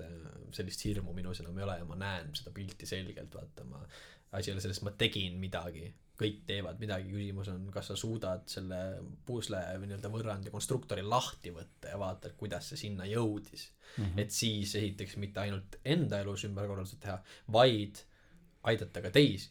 Tänase päevani tulevad minu juurde mõned vanemad äh, küsima et neil poisid käivad jalgpallitrennis vaata ma olen olnud eratrenn ja nii edasi ja küsinud et kuidas mida vaata eks ole olgu see siis vestlemine või äh, kuidas seal noh lepingud asjadega on ja nii edasi vaata ja ma saan neile mingit nõu anda eks ole et see ei ole mingi süsteemi vastane nõu kuigi ka seal on ka seda aga see on pigem selline konstruktiivne objektiivne analüüs eks ole oma kogemuse mingi kogemuse põhjal kuidas on võimalik need olukorrad lahendada vaata kuidas on võimalik Eestis edukas sportlane olla sest ma tean et sport on bullshit Eestis noh missioonitundes teed samamoodi sa ei teeni raha no mõni väga üksik vaata ja see rahastamine ei jää sportlase taha see jääb süsteemi taha vaata mm. -hmm. et mis on ka arusaadav sest see kõik on äri vaata ja nii edasi see on huvitav jah, sest et, et sa,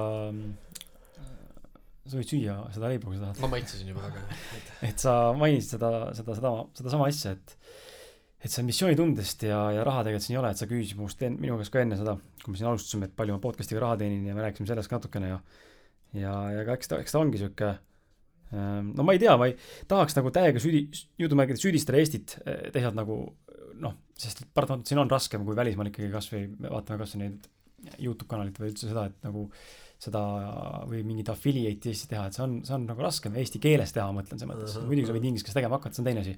aga Eesti marketingi, Eesti turul on nagu, et see on raskem, sest meid on nii vähe siin, aga teisalt jällegi see ongi see, et see, ma arvan, et sihuke tasuta pool, pooltasuta mingi kommiraha eest missioonitundest tegemine, see kasvatab tegelikult väga palju sinu seda iseloomu ja vaistu ja sellist äh, ambitsiooni, tegutsemist ja tahtejõudu ja järjepidevust, distsipliini, kõike muud läheb juurde sulle ja kui sul mingi hetk tuleb sisse asi, mis äh, võib nagu hakata tooma sulle raha ka, siis sul on see full power olemas, võtta mm -hmm. nagu see ressurss nii-öelda, mida sisse toomata, tormata sinna mm. -hmm. see on muidugi, see on vahend, et jõuda suurema publikumini ja nii edasi, et aga tulebki meeles pidada seda, et need inimesed, kes seatud sellist, mille eest ma siin tahan sind nagu tänada ka, see ausad mehed post-, podcast on nagu see, ma tean su natuuri, vaata, et see nagu see, et inimesed kirjutavad sulle vaata vahepeal noh, sa tõid siin Youtube'i näite, et jaa Elvis, miks vlog'e ei ole vaata aasta aega noh no see on neliteist tundi tööd nagu. ma lähen filmin kaheksa tundi, seitse, terve päev, siis ma istun maha. Sa lõikad need klipid, sada kaheksakümmend klippi ükshaaval läbi, sa pead õppima, kuidas seda teha, sa pead kogu aeg ennast kursis hoidma uutemate trendidega, audio maksab, äh, monteeri, värvi, pane kõik sidusaks looks kokku, color grade, color grade peale, onju, nagu ja sa saad selle lõpuks valmis, neliteist tundi.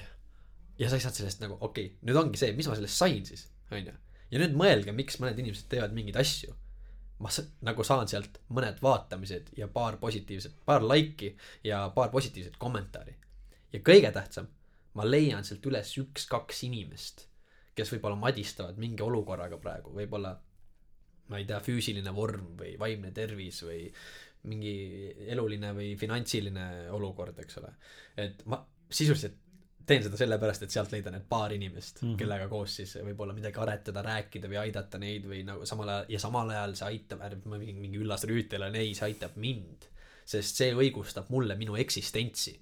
mul on väga raske õigustada endale nagu seda, et ma siin olen ja teen mm, -hmm. vaata, tarbin ja kuradi joon ja söön ja käin riides ja ostan kuradi uhkeid asju endale, vaata. noh, sest ükskõik isegi kui ma ostan Humanast, ma ostan uhkeid asju, vaata. aga õigustada enda eksistentsi ma suudan seda endale õigustada ainult niimoodi, et ma teen neid mingeid asju, vaata ja mõtle nüüd selle peale, palju on neid inimesi, kes mingeid selliseid asju teevad, ei saa sellist koerte varjupaigad, mingid asjad, no ma ei räägi siin mingitest case idest, kus seda ärina tehakse, eks ole, siin tuleb välja neid järjest ja neid tükeldatakse koeri ja blablabla onju. aga äh, sa teed missioonitundest, eks ole, ja see ongi unetu tööd neliteist tundi, üks vlog, ma panen selle Youtube'i, ma ei saa mitte midagi mm. -hmm. ma nüüd ütlen sulle, mu tehnikapark maksab kaksteist tuhat eurot kuus ja seda, et äh, kaksteist tuhat eurot ja seda, et aastas seda maintain ida, siis mul läheb kuskil kolm-neli tuhat iga aasta sinna alla, et seda nagu hooldada äh,, mingeid asju rentida, uuendada, müüa, vahetada, on ju, kogu see asi, pluss ma pean hoidma ennast kursis selles maailmas toimuvaga, värskendama oma teadmisi, kogu aeg lugema, noh, ja nüüd keegi tuleb ütlema, sul ei ole mingi kuradi kõrgharidust, vaata, no tere hommikust, vaata, nagu ma istun päevad läbi, teen, õpin, harin, vaata nagu ja mu sisu on seal, vaata. tõesti, ma ei käinud BFM-is, noh, aga vaata, asi on seal, noh, ja on mingeid asju, mida mul on lauale panna nagu Eesti mõistes, mis ei ole maailma mõistes midagi, aga ma nüüd, mida tänu millele, nagu tähendab, tänu nendele siis asjadele ma olen äh, saanud need mingid väljundid.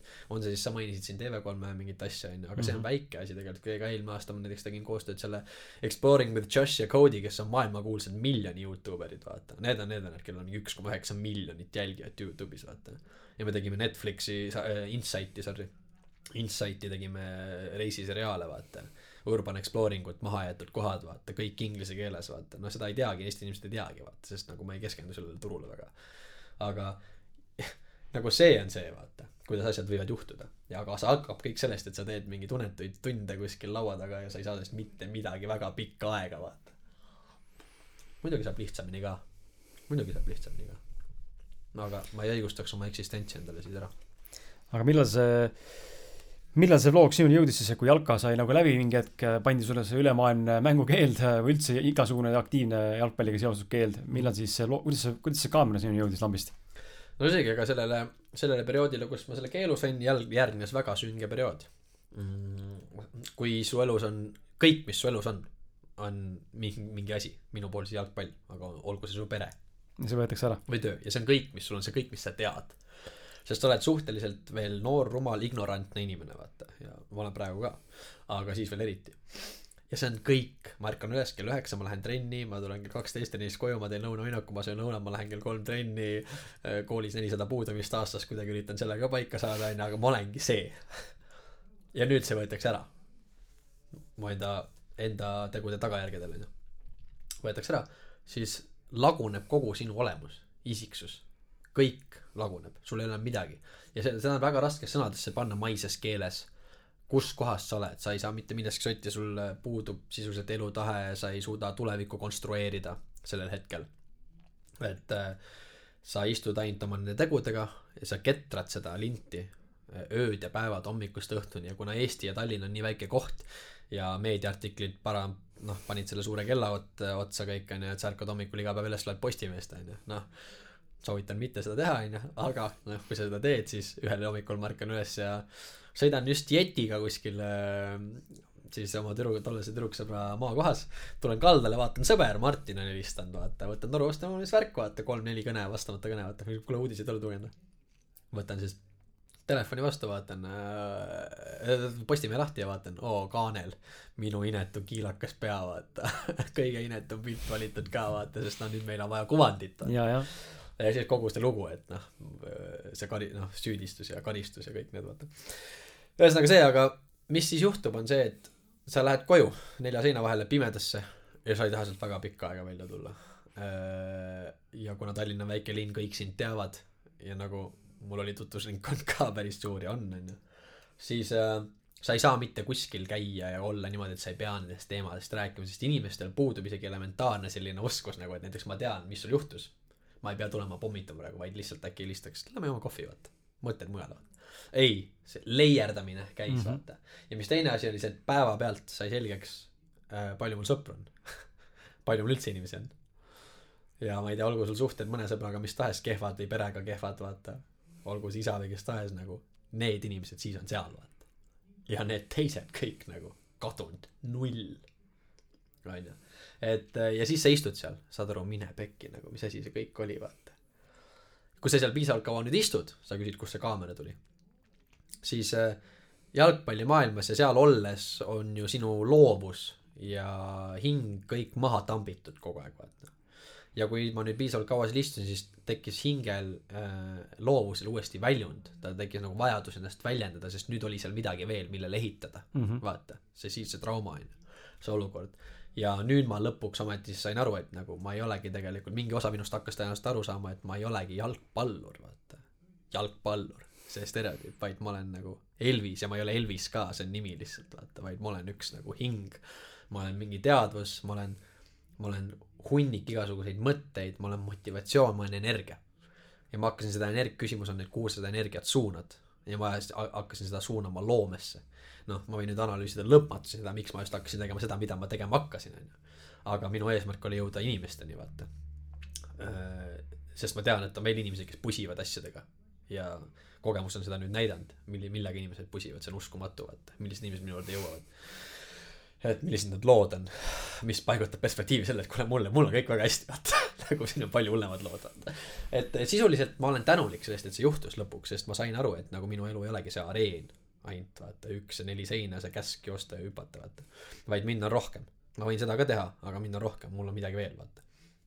ja ma võtsin kätte kaamera, kaamerast sai siis minu väljund kui ma olin kodus kõik seinad ära pildistanud, sest ma ei tahtnud kodust välja minna, vaata, ma käisin kapuuts peas nagu täiesti saba jalge vahel peksa saanud koer, vaata. eks ma valid ka, vaata, see on juba Jordan Petersoni loed siis see lobster theory on ju.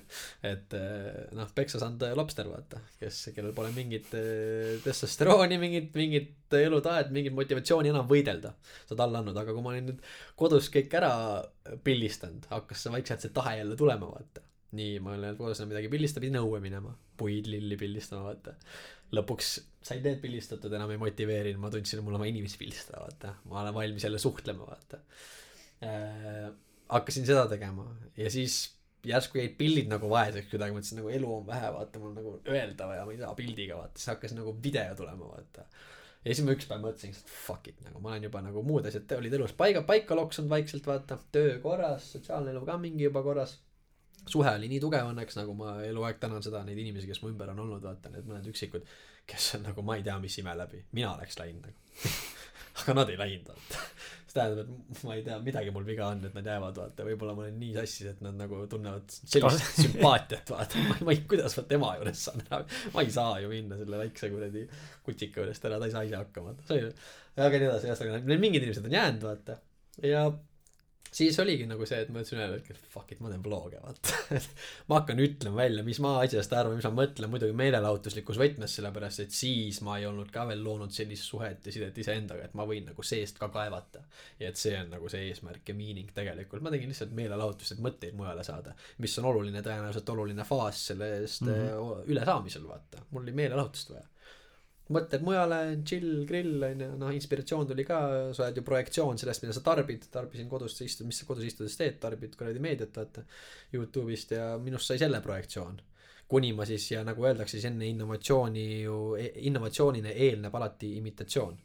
ma sisuliselt imiteerisin ja ma ei ütle nüüd, et ma siin mingi innovaator oleks, aga sellest imitatsioonist sai siis innovatsiooni ja võr-, ma panen innovatsiooni teise siis, teisel nimel on siis see minu võib-olla hingeline väljendus ja võib-olla selline sportlik uuesti taas, taas äh, kire leidmine spordi vastu vaata ja uuesti vajadus ennast proovile panna ja tõestada ja olla osaline selles ühiskonnas ja olelusvõitluses ja kõiges vaata.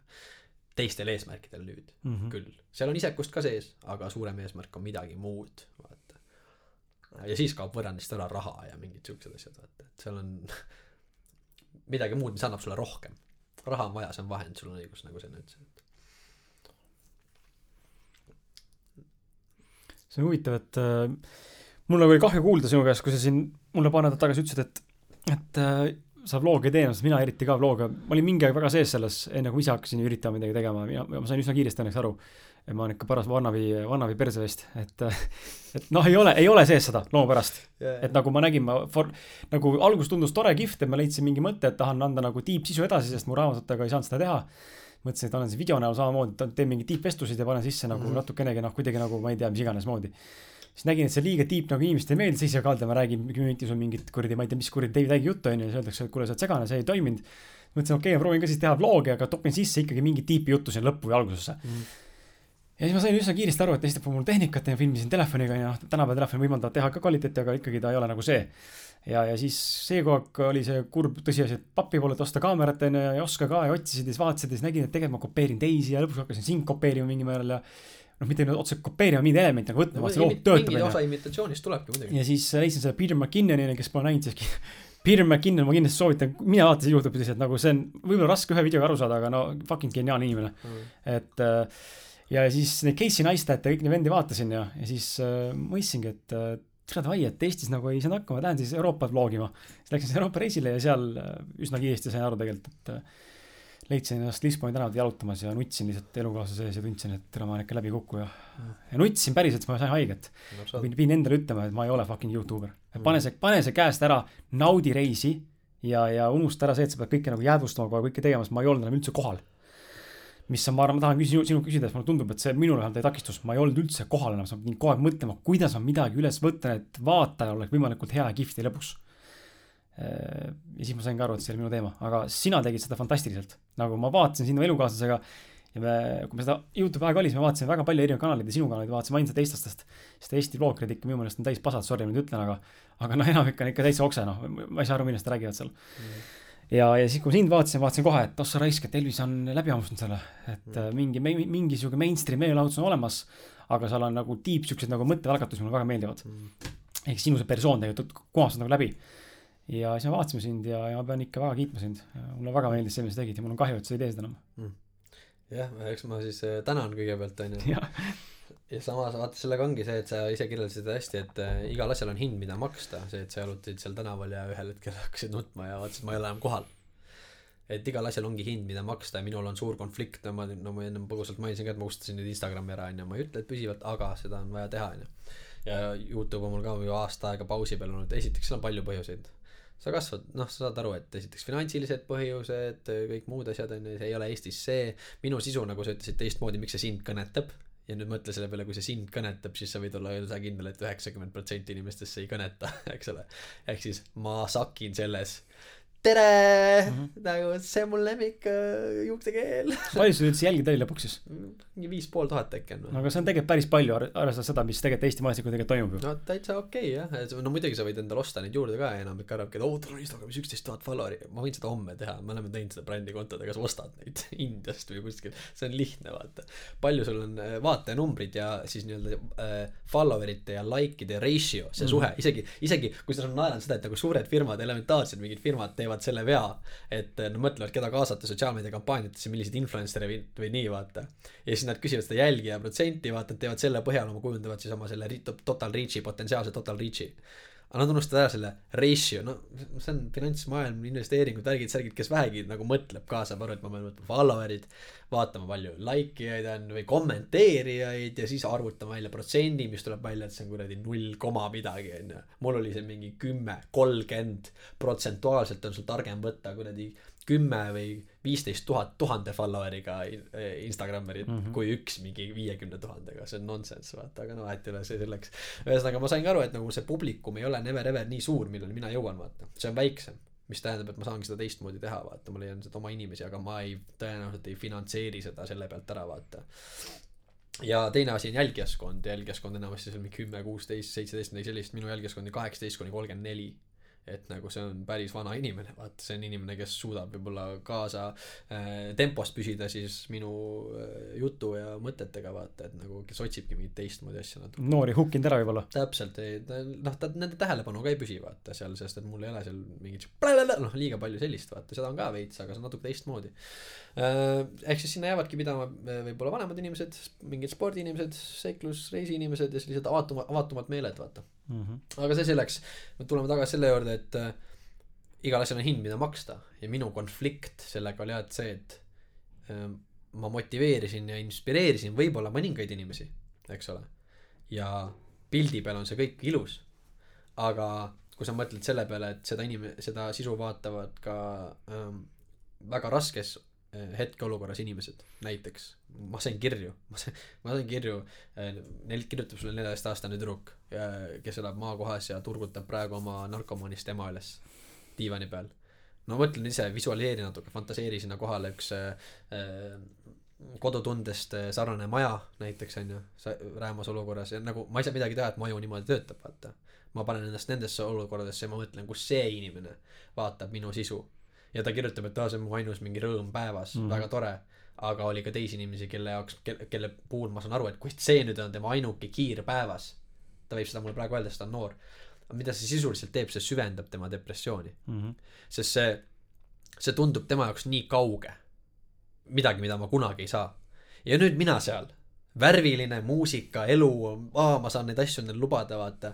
ja ma unustan ära et, et seitsekümmend protsenti inimestest elab kuradi, neil pole konto peal rohkem kui tuhat eurot vaba raha, on ju. üle viiekümne protsendi elab alla, eh, või elab suhtelise vaesuse piiril või alla selle, on ju. et nagu, ja nüüd ongi, me jõuame sinna, kuhu noh, tüdrukud ja me kõik, noh, naisterahvad eriti, aga nagu mehed ka, sotsiaalmeedias, kus meil on nüüd see standard see, see fantaasia maailma standard, see kuvand on ju, ja sa iga päev underachieve'id, vaata, on ju. ja seal ei ole nagu mingit, seal ei ole mingit head lõppu, vaata. E, kõik äh, kompleksid löövad välja, äh, enesekindlusprobleemid, eks ju, hirm äh, ettevõtmise ees, hirm igasuguste vaimsete, füüsiliste väljakutsete ees, on ju. Ja ongi nüüd hunnik neid ma ei tea inimesi, ma ei tea, mida teha, sest kõik fantaasiamaailmas tahavad seda, aga see ei ole reaalne nagu porno ei ole reaalne, film ei ole reaalne, see on välja mõeldud karakter, see on ideaal, mille poole pürgida. aga ideaal ja perfektne seisund on ala-, see, mida kunagi ei juhtu, see ongi alati see, et me strive'iks parema poole, aga mm -hmm. seda condition'it pole olemas ja sa rääkisid Peter McKinnonist siin. Peter McKinnonil endal on hea ütlus, done is better than perfect. Done is better than mm -hmm. perfect. get shit done nagu don't strive for perfect vaata et äh, ja mul oligi seesama sotsiaalmeediaga sama teema et äh, miks ma selle pausi tegin esiteks. Ja teine asi teine hind mida ehk siis see on üks hind mida maksta on see et ma näen seda eh, kuidas ma olen osa sellest mis ei tee head Mhm. onju kuigi seal on ka head. Äh, aga mul ei ole selle üle kontrolli ma ei näe kes vaatab kuidas vaatab millisel eluhetkel millises vaimses seisundis ta vaatab onju see teine asi on see et äh, mina maksin vaata sina päästsid oma suhte sellega tõenäoliselt et sa ei läinud sinna nutsid seal tüdruku kõrval seal reisil Euroopas ja tulid tagasi sest sa nüüd oled kohal. Mina läksin teist teed sellega väga kiirelt ja ma ei olnud enam kohal. Ja hind selle eest maksta oli see et äh, minu suhe lagunes näiteks. Üks üks põhjustest seal on veel põhjuseid aga see oli üks uutest põhjustest. Ma olin nüüd nii pea oma perses selle asjaga vaata sest noh see on ja see on üllas eesmärk missioon sest see ei olnud mingi ainult enda jaoks see oli nagu suuremale publikule motiveerida sporti tegema. Minge te kõik saate seda teha sest ma olen selle tsükli läbi teinud nullist kuskilt kuskile vaata. See on võimalik. Et äh, Eminem laulab noh äh, everybody come take my hand we'll walk this, this road Mhm. together through the storm whatever weather onju et mul mindset on see onju aga hind selle eest maksta oli see et äh, mu kõrvalt kadus inimene kes oli see tugitala vaata Mhm. noh ja siis see oli ka üks peale seda ma enam vloge ei teinud ka et äh, mitte et see teadlik oleks esialgu oli see lihtsalt siuke šokk ma ei suutnud teha aga nüüd mul on väga raske võtta kaamerat kätte ja manada ette seda ma suudaks sisu veel teha sellisel kujul nagu ma sinuga siin praegu räägin ma räägin nüüd nagu asjadest nii nagu on toorelt mm. -hmm. ausalt ja mul on savi vaata küsi küsimusi küsi probleem ma maalin selle serveerin sulle selle toorelt vaata aga ma ei suuda enam võtta ja teha see vana formaat mis mul oli siuke tšau tere hommikust nüüd on tead kõik on ilus särav värviline ei vaata. Ja ma tean et ma seda sorti sisu teeks siis see teekond on teine see on teistsugune miks ma sulle ka rääkisin et noh on endalgi olnud teistsuguse kanali alustamise mõtted või podcast'i mõtted või no mille ma olen nüüd tänulik et ma täna siin ausad mehed ausad mehed sest ausus on minu jaoks nagu võimas ja uus asi üsna vaata. Et ma olen tänulik, et ma saan siin olla täna ja kui minu sisu võtaks ka mingi sellise suuna või joone edaspidi, siis ma, noh, ma ei ole sinna veel jõudnud, ma ei tea, mul on praegu muud asjad, eks ole, kriisiolukord, mul on kohvik, ma tegin nüüd selle, vaata, et mul on nüüd oma place, mul on eluaeg selle, selle peale ka nagu mõelnud, vaata. nüüd nagu ongi sellest siis, sellest lahkuminekust ja sellest vlogi kadumisest jäi üle jälle energiat omakorda nagu tollel ajal jalgpallist energiat üle, et loomega tegeleda, nüüd jäi loomest energiat üle, et uuesti midagi nagu funktsionaalselt teha, vaata, et jälle kommuunil on, Kalamaja kommuun ja need inimesed on nagu väga ägedad ja ma olen sealkandis aegu-aegu veetnud juba, et nüüd oli aeg midagi kommuunile tagasi anda, vaata, et jah, et ma lihtsalt teen asju, kõik on liikumises. jaa, see on huvitav jah. see huvitav, see sotsiaalmeedia osa, ma tahan, tulen selle juurde tagasi korra, et äh, sa mainisid tegelikult seda asja, mis ma olen siin mõnda aega tagasi rääkinud ka ja mida ise tunnen ka tegelikult täna Instagrami puhul, üldse sotsiaalmeedia puhul, miks ma ise ka tõmbusin eemale ja noh, täna küll natuke positiivne, aga tunnen tegelikult, et ma tegelikult saan aru, ma tegelikult, ma tegelikult tahan kinni panna asju.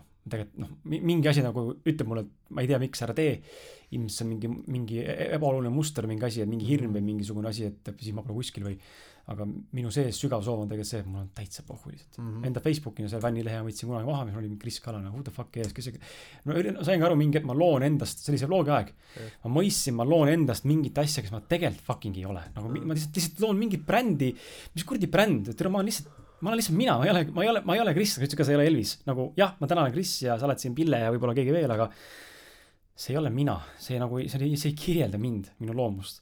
Ja, ja siis ma saingi aru tegelikult sellest üsna kiiresti, et et äh, kõik need influencer'id, kes on, nad teevad väga suure teene, näidata sulle seda, mis on võimalik ja mis on kihvt ja mis on tore ja inspireeriv motivatsioon mm. -hmm. teisalt ka mina, kelle elu ei ole tegelikult üldse olnud nagu vaene otseselt, aga ma ei ole ka rikas mm. -hmm. täna ka tegelikult äh, võitlen, noh, võitlen vale sõnaga, maadlen mingil määral materiaalsuse poole pürgimisega.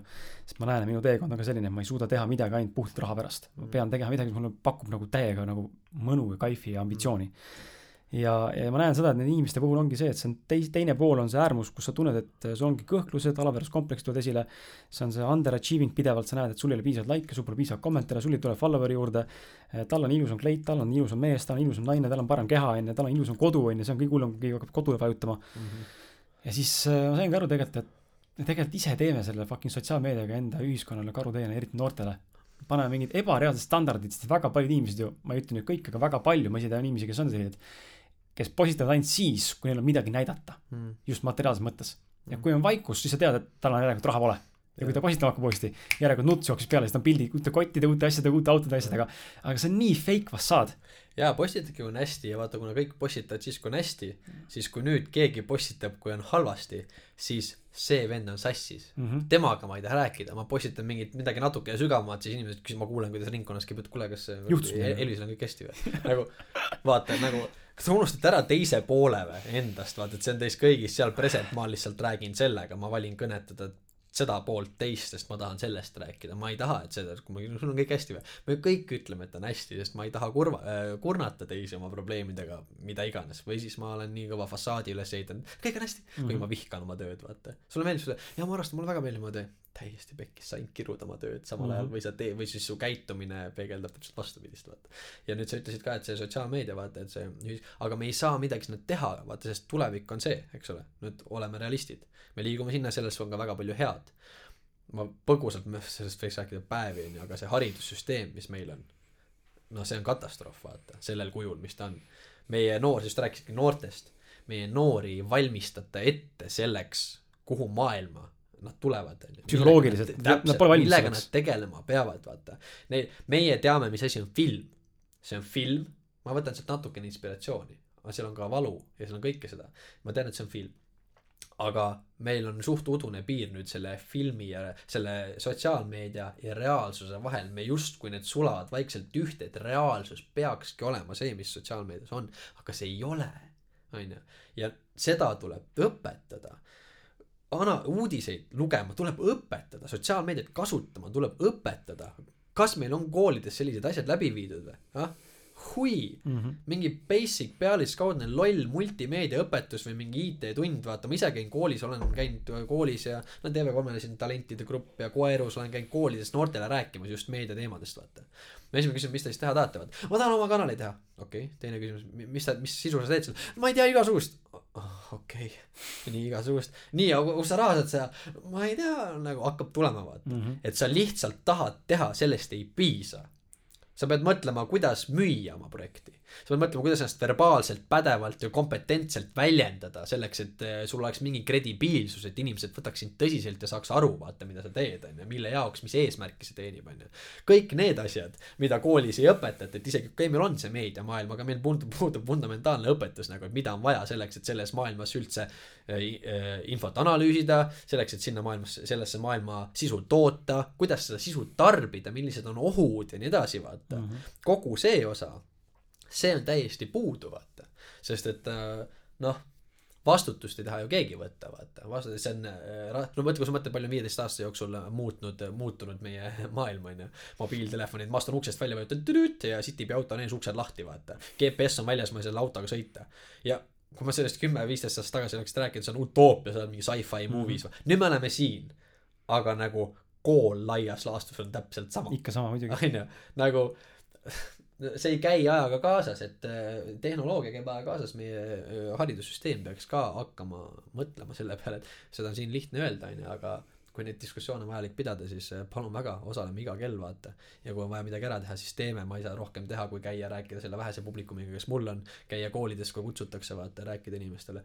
aga seda on vaja teha suurel skaalal kogu aeg ja see on vaja kaasata, implementeerida haridussüsteemi, et seda meediat oskaks tarbida inimesed. siis võib-olla me, meil õnnestub vältida neid katastroofilisi tagajärgi, vaata, on ju, et meil on noored inimesed sellises depressioonis, alaväärsuskompleksis, et äh, mõtlevad oma elu lõpetada näiteks, vaata mm. -hmm või ei taha kodust välja tulla või ei pea ennast piisavaks, on ju, mis tähendab, et nad ei tahagi kunagi midagi ette võtta, nad ei tahagi siseneda tööturule või ei tahagi töö juures eh, oma, jäävad hiljaks, nad ei tahagi vastutust võtta, on ju, sellepärast et kataloogist saab kohe uue võtta, vaata, uue töökoha ja kataloogist saab uue naise ja mehe võtta, on ju, Tinder on kataloog, vaata, noh, mis ma pean sinu probleemidega tegelema, vaata. sa ei taha partnerit, kes on sinuga rahul, vaata, sa tahad partnerit, kes paneb sind proovile natukene, kogu aeg, on ju sest see tõstab, tänu sellele sa arened. aga nüüd meil on see, me ei, me ei teadvusta enam endale vaata, et see on hea asi, vaid konflikt on ainult halb, konflikt on hea mm. -hmm. konfliktne suhtlus on vajalik oskus. aga meil ei ole see, sots-, noortel puudub see. ja vist vanematel inimestel puudub ka see. ja siis, no mi-, mil-, miks ma pean selle teema kataloogist uue võtta, noh. miks ma pean selle katkise tossuga käima, ma saan kohe uue osta, vaata. no see on see üleüldine mentaliteet, vaata. me ei paranda enam olemasolevaid asju, me ei näe vaeva, vaid Ostame saad kohe uue võtta Mhm. mm, -hmm. Et eh, see on kaubaga nii ja nüüd see on inimestega nii, vaata. tööd töökohtadega nii kõigega nii ja kaobki ära missioonitunne kaobki ära meaning teha midagi nagu kõrgema eesmärgi nimel vaata kommuuni hüvanguks vaata et ainult mina on nüüd ainult mina mm. -hmm. minu välimus mina tahan küsid inimesed ma ei tea ma olen ka Tinderis olnud päris pikka aega vaata pick-up line on see kui saaksid maailmast ühe ära asja ära kasutada siis mis see oleks vaata ma ei tea see koroona võiks ära minna no okei okay, väga tore väga basic vaata. Või siis tuleb seal midagi muud ma ei tea auto on katki auto võiks nagu tahaks auto korda teha vaata. Järgmine eesmärk suur eesmärk on auto. Ma olen täiesti vahel harva kohtad ühte inimest kes ütleb mingi maailmast üks tüdruk ütles hästi interneti. Geniaalne. Vaata ma saan aru et okei okay, see see ei ole reaalne ja seda ei juhtu aga nagu see tähendab et sa mõtled asjade peale vaata. Sest kui sa sinna sisse lähed siis seal on terve maailm veel taga vaata. Tähendab sa mõistad kõike seda vaata ja võtsid ühesõnaga kokku päris ägeda asja vaata ja nii edasi et see on jah see on keeruline teema see sotsiaalmeedia teema et ähm, teadlik teadlik tarbimine ütleksime siis võib-olla märksõnaks siia lõpetuseks et on äh, vajalik ähm, rihtida ja sihtida teadliku tarbimise poole TV3 Play ja Fanta konkurss lähme korra sinna tagasi mm. -hmm. mis see sulle uksed avas Äh, ma arvan ennekõike ennekõike oli see selline äh, äh, hea vahend või hea siis äh, moodus luua sidemeid meediamaailmaga mingil mm Mhm. -hmm. määral eks ju TV3 me- mainstream meediamaailmaga niimoodi et seal on mõned väga lahedad inimesed see noh konkurss iseenesest selle konkursi võita ma millekski eriti eriliseks ei pea sest no ma olen ausalt siin ma vaatasin kõik kakssada mingit videot mis seal olid vaata see oli täis soust onju respekt et sa teed sest selleks et selleks et kuskile jõuda tuleb kuskilt alustada aga noh see seal ei olnud taset vaata konkurentsi see põhimõtteliselt oli ei olnud väga lihtne võita vaata mm -hmm. Mhm. ma sain juba sisuliselt enne konkursi lõppu sain kõne et kuule et sinu sisuliselt peale video siis et sinu noh sa oled võitnud vaata et me vaja ainult välja kuulutada et tuleb et noh see ei olnud iseenesest see eh, mingi suur saavutus või nii tore küll vaata ja loodan et kõik teised teevad edasi vaata sest et nagu kaotust ei tohi võtta nii et viskan püssi põõsasse vaata mm -hmm. ja aga see lihtsalt andis jah võimaluse siis luua sidemed eh, mainstream meedia võib-olla maailmaga ja mõned äge mõned ägedate tüüpidega sealt TV3 majast vaata et mitte et ma nagu noh oleks mainstream meedia inimene üldse vaata mul ei ole mingit probleemi keerata kanna pealt ringi ja saata kõik kukke nagu ma seda varem elus teinud olen. Aga see oli hea õppimise õppimise koht et näha kuidas need asjad organisatsioonid sees töötavad. Meil on ka mingit edukat koostööd sellele järgnenud äh, mitmetel kordadel ja loodetavasti edaspidigi. Äh, ja ja nii ongi jah. Suurt muud ma ei oska öelda poole tunniga panin selle video kokku ja nii ta oli aga lihtsalt eh, sellele järgnes võib-olla siis mingeid eh, muid selliseid võ- võimalusi et kuna ma seda tegin ja tänu sellele kasvas mu nähtavus siis lähenes minu näiteks üks tüüp nimega Lauri Levo kes on selline fikser siis eh, välismaa produktsioonifirmadele Eestis tänu kellele siis tulid Eestisse filmima need eh, maailmakuulsad nii-öelda Youtuberid sisuloojad eh, streaming platvormile Insight mis on noh sarnane Netflixile lihtsalt ta on nüüd konkurent siis Netflixi konkurent. ja nemad tulid sinna ja siis äh, nii-öelda otsiti Eestist kohalikku tegelast kes siis tutvustaks neile seda elu siin ja räägiks inglise keeles ja teeks kogu selle programmi läbi ja koperdati minu otsa nii et noh see kõik mm -hmm. Mhm. on osa võrrandist vaata et see TV3 osa ja kõik see nähtavus mis sealt tuli tänu sellele nägi ka mind siis Lauri Levo kuigi tema ringis jälgis tegelikult mu Youtube'i vlog'e vaata sest talle see mainstream sisu ka ei lähe vaata mm -hmm. see mis seal teles on et ta ei vaata telekatki vist tegelikult et aga kogu paketti see nagu lisab see lisab kredibiilsust vaata et äh, millest ma olen tänulik et ma, ma võin rääkida vaata mul ei ole mingit kõrgharidust filminduses või milles vaata aga ma tean kuidas võib-olla mingeid asju teha õnneks mm -hmm. ja Mhm. mul on õnnestunud võib-olla kedagi kõnetada et äh, tänu see tänu sellele vaata mu publikum võib-olla mingil määral suurem või siis võimalusi lihtsalt rohkem jälle et kui sa peaksid äh, alustavale vloggerile midagi soovitama siis äh, mis sa puusalt praegu tulistaksid inimesele tema puusalt tulis- tulistaksin seda et nagu see vlogimine on üks väike vlogimine noh ütleme vlog on siis ütleme see suur äh, kui me nüüd seda mind map'i mõtleme onju Mhm. siis vlog on seal keskel suur tõenäosus see on miljon haru onju selleks et see vlogi toota ja et see toimiks. Ma unustan nagu ma võtaks sealt välja selle et unusta ära see nagu see filmi kõik kõik tehnika jätta üldse välja. Nagu tehnika jätta üldse välja. Äh, monteerimine video osa nagu see peab olema äh, tee see selgeks aga seda seda õpetab igale ühele mõistad? Nagu millega on vaja tegeleda on tegeleda iseendaga. Mm nagu -hmm. iseendaga on vaja tegeleda. See et su väljendusviis oleks autentne et sul oleks enesekindlust piisavalt et kui sul ei ole sisu või mõtteid mida jagada siis sa kohandad ka oma elu vastavalt et sul tekiks midagi, mida jagada, vaata, kui ma istun oma magamistoas, siis ma ei saa sisu luua, vaata, sest sisu läheb otsa selleks on vaja elulist inspiratsiooni, selleks on vaja, et midagi juhtuks mm. -hmm. interaktsiooni teiste inimestega, mingeid äh, traumasid on vaja, saad aru, see on kõige halvem asi, et ma pean ütlema, et traumasid on vaja, läbipõrumisi on vaja, et sul oleks millestki rääkida, vaata. Äh, Joe Rogan ütles hästi, et I have never met, I have never met an interesting person with an easy past, Mhm. onju. geniaalne, kui sa seda korraks kuulad, onju. ma ei ole kunagi kohanud huvitavat inimest lihtsa minevikuga. et ja see on see, mis teeb vlogist vlogi, vaata, onju sa võid teha muidugi jah, ka lihtsamakoelise, lihtsalt noh, kaks kanget, on ju, noh, seal on sisu ka, seal on äge karakterid, karismat ka veits, aga nagu sihuke, näitad kohta äh,, räägid faktidest. tore, aga neid on väga palju, vaata. Mm -hmm.. noh, kui see on sinu eesmärk, palun väga, minu, ma, ma ei oska selles osas sulle nõu anda. mina annaksin sulle vlogimise koha pealt nõu äh,, tegele iseendaga. Äh,, suhestu iseendaga.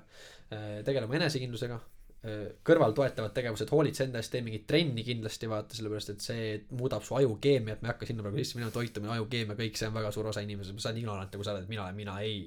sa oled sinu aju, sa oled keemia, sa oled keemiline koostis lihtsalt ja seda annab muuta, su mõtteid annab muuta. ma olen olnud seal, su rakud vahetuvad iga seitsme aasta tagant, oled sa täiesti uus inimene onju, et seda kõike annab muuta.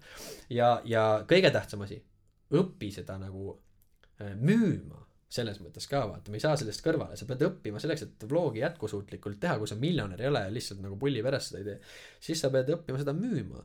hari ennast, õpi ennast verbaalselt väljendama, õpi kirjapilti vaata, õpi tekste, kirju koostama, õpi koostama projekte, on ju sest sa pead need projektid kellelegi müüma, selleks, et mingit tulu teenida mm. -hmm. sa pead arendama ennast turundusteemadel äh,, marketingi teemadel, sa pead arendama ennast äh, siis nii-öelda erialalistel teemadel, ehk siis see tehniline pool, vlogimine, audio, video, kõik see on ju ähm,. tarkvaraline, riistvaraline pool, kõik see on oluline, vaata, et noh ma, ma ei oskagi ühest nõu anda, see on lihtsalt tegelikult see, see pott on päris suur, kui sa mõtled, et hakkan vlogeriks, siis tegelikult seal taga taustal on sitaks asju tegema täpselt, täpselt, et äh, see, see on, see on täispakett jah et hakka kuskilt pihta, ütleks ma. Eh, Peter McKinnon ütles seda hästi, et hakka kuskilt pihta, aga ära arva, et see on lihtne, ma ütlen sulle, mina soovitan, et kui sa peaksid mult küsima, et hakata vlogeriks või mu lühidalt lühike vastus oleks, et ei, tee midagi muud, nagu päriselt ka. sa tee midagi muud, see kõik ei sobigi selleks, vaata mm. -hmm. ja see ei ole tulus Eestis, meie publikum, meie turg ja publikum on väike. ja kui sa seda teha tahad siis mõtle konkreetselt, kellele sa müüd, kuidas müüd ja mis su lõppeesmärk on, vaata. on ju, lihtsalt läbu toota, see nagu ei lähe, vaata. huvitav, mis need Eesti, Eesti tipud nii-öelda, Martti Hallik ja need kõik, kes on need äh, üksikud, kellel on seal nelikümmend tuhat võib-olla jälgijat, et uh -huh. need reaalselt huvitav teenivad ka jälle, ega numbreid mina ju ei näe, ma ei räägi, aga ma tean, et näiteks noh, kui sa nüüd Mart Jelliku siin näiteks välja tõid, siis äh, Rööparalli saade, kus ma hiljuti osalesin Kanal kahes mm -hmm. vaata, on ju äh,. tema oli üks, kes siis äh, mm, oli žüriis äh,, kes valis siis nende casting ul osalejate seast äh, lõpuks saate cast'i kokku, saatetiimi, osa, osalejate tiimi. ja kui sa temaga räägid näiteks reaalses elus on ju äh,, samamoodi Lauri Pede ja need kõik vaata, et nagu see vlog on tema jaoks juba ammu üks asi, mida ta teeb aga ta on pädev teistes teemades. ta äh, oskab seda turundada, oskab projekte koostada, ta oskab mm -hmm. müüa, ta oskab mõelda, mida on vaja selleks asi toimiks. ta ei räägi sinuga face to face ka samamoodi nagu vlogides, ma räägin ka vlogis, tere rahvas, jõu-jõu, nagu ei ole see, vaata, et äh, nad teevad seda rumalamaks, nii-öelda dumb it down, vaata, nad teevad selle asja rumalamaks, et saaks laiemale publikule arusaadav aga tegelikult nad on mõtlevad pead ja nad saavad aru, kuidas see asi toimib, vaata, ja nad on see süstematiseerinud, nad on sellest süsteemist aru saanud ja, ja äh, suures osas kas siis ka süstematiseerinud ja automatiseerinud enda selle nii-öelda sisuloome, vaata. et neil ei ole ainult see, et ma teen vlog'e, nad teavad, et Youtube'i konto pealt neile raha ju nii palju ei laeku, see on naljanumber, vaata, mõni neist teeb tööd ka ja nii edasi, aga sellepärast ongi nende töö on lihtsalt teine meediavaldkonnas, noh Lauri, Martin, nad koostavad muid, muid projekte mm, -hmm. otsivad võib-olla inimesi, osalevad ise muudes projektides, turundusest, mingid meediaagentuurid on ju, et no ma täpselt kõike seda ei tea, aga see on jah, meedia ongi sihuke maailm, et sa ei saa loota ühele sissetulekuallikale, nagu üldse elus üldse, mul peab muidugi olema kinnisvara, aktsiaportfell, eks ju, sa nii-öelda hajutad. meediamaailmas samamoodi, et see, et sa teed lihtsalt videoid, vlog'e paned, see ei ole jätkusuutlik, see ei ole võimalik, vaata, sul on vaja inimesi. kui sa teed vlog'i, peab, seda peab turundama, äh, seda peab müüma sa pead võib-olla osalema reklaamkampaaniates on ju sa pead mõtlema ka neid asju välja on ju toote disain brändihaldus noh sa lugesid ennem siin mu profiili ette see on juba natukene aegunud aga aga meediabrändide brändide haldus vaata sotsiaalmeediakontode haldamine on ju et noh see on sihuke väga väga lai maastik et sa pead olema selline mitmekülgne tegelane vaata nende top Youtube erite kohta Eestis samamoodi, aga nemad noh, Youtube on seal üks, brändidiilid on võib-olla seal.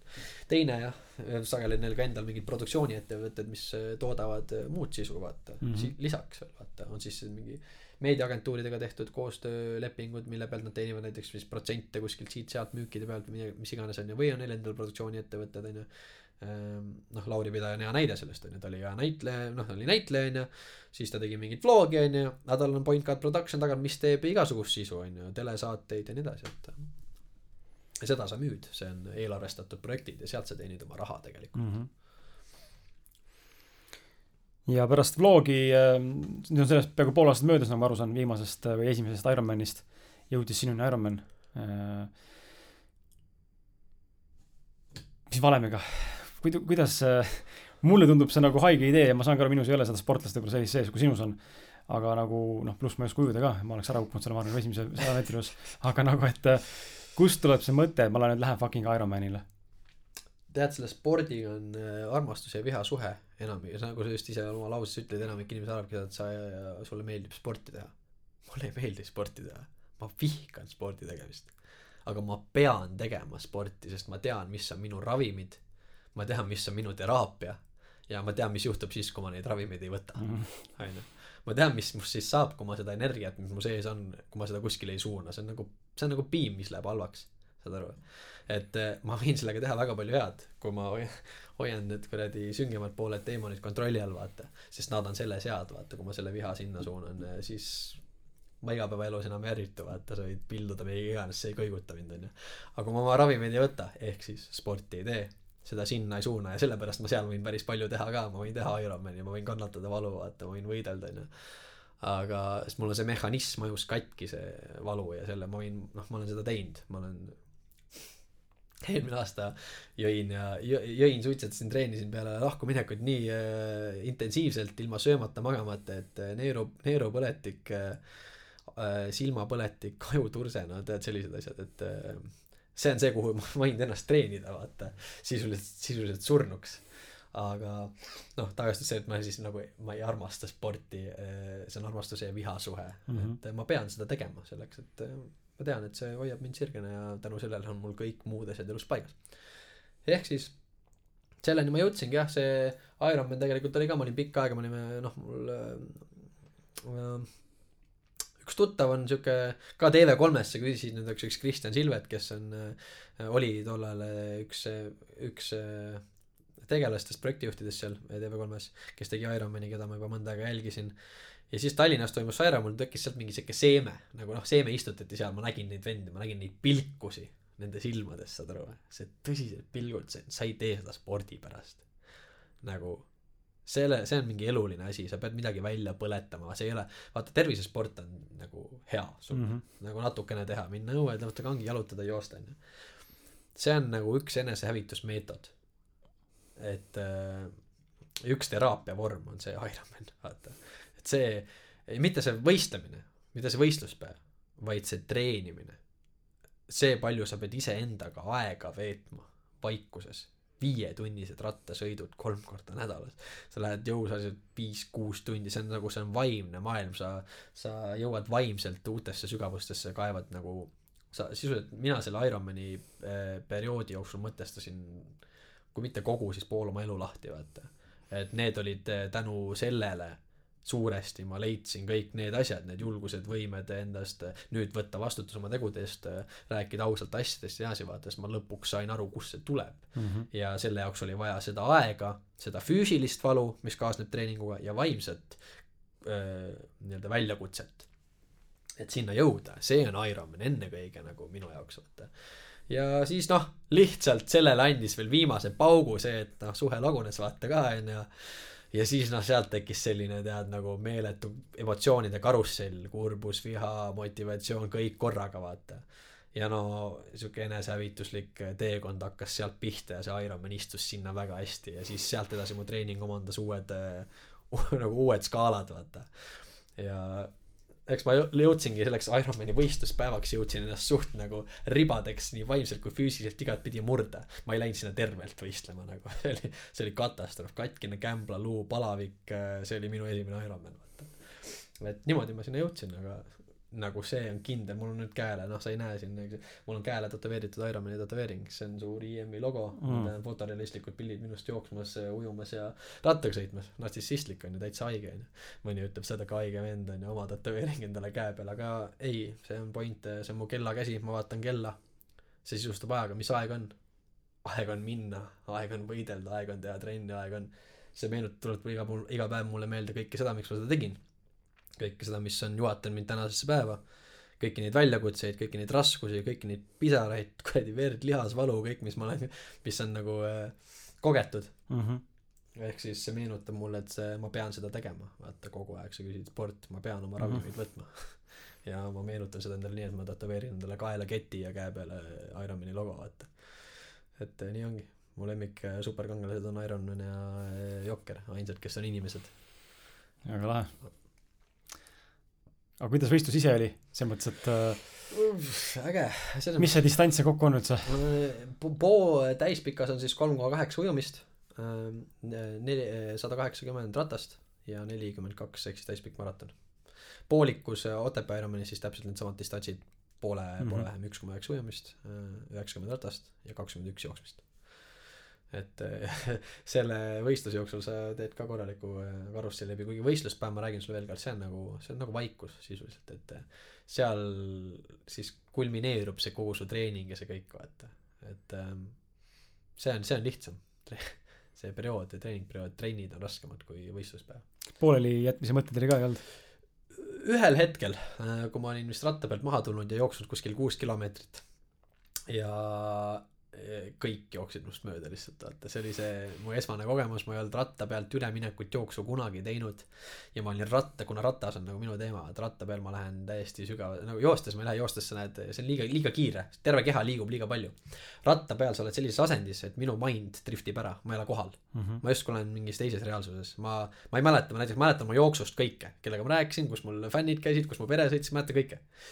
Äh, rattaga on mul alati see teema et ma täiesti kaon ära ma ei mäleta oma rattasest mitte midagi ma mäletan ühte ristmikku et üks jalgpallirattur oli matsu pannud ja mäletan et mu ninarohi see kuradi kümeling kukkus tagataskust välja vaata. mis tähendab et ma kuradi hingasin terve tee ainult suu kaudu vaata. Kaks asja mis mul meeles on kõik ülejäänud on blank. Ehk siis ma panin rattasse kõik sisse. Ma pole ratta kunagi sõitnud sõitsin kolmkümmend kuus koma kaheksa kilomeetrit tunnis vist rattaga keskmist nagu ja palavikus kõikide ainete all vaata. Aga see see on see seal ma olen nagu nii vihane saad aru. Ma sõidan rattaga nii et inimesed mööda vaates vaatavad mulle järgi sest ma sõidan nagu hingates.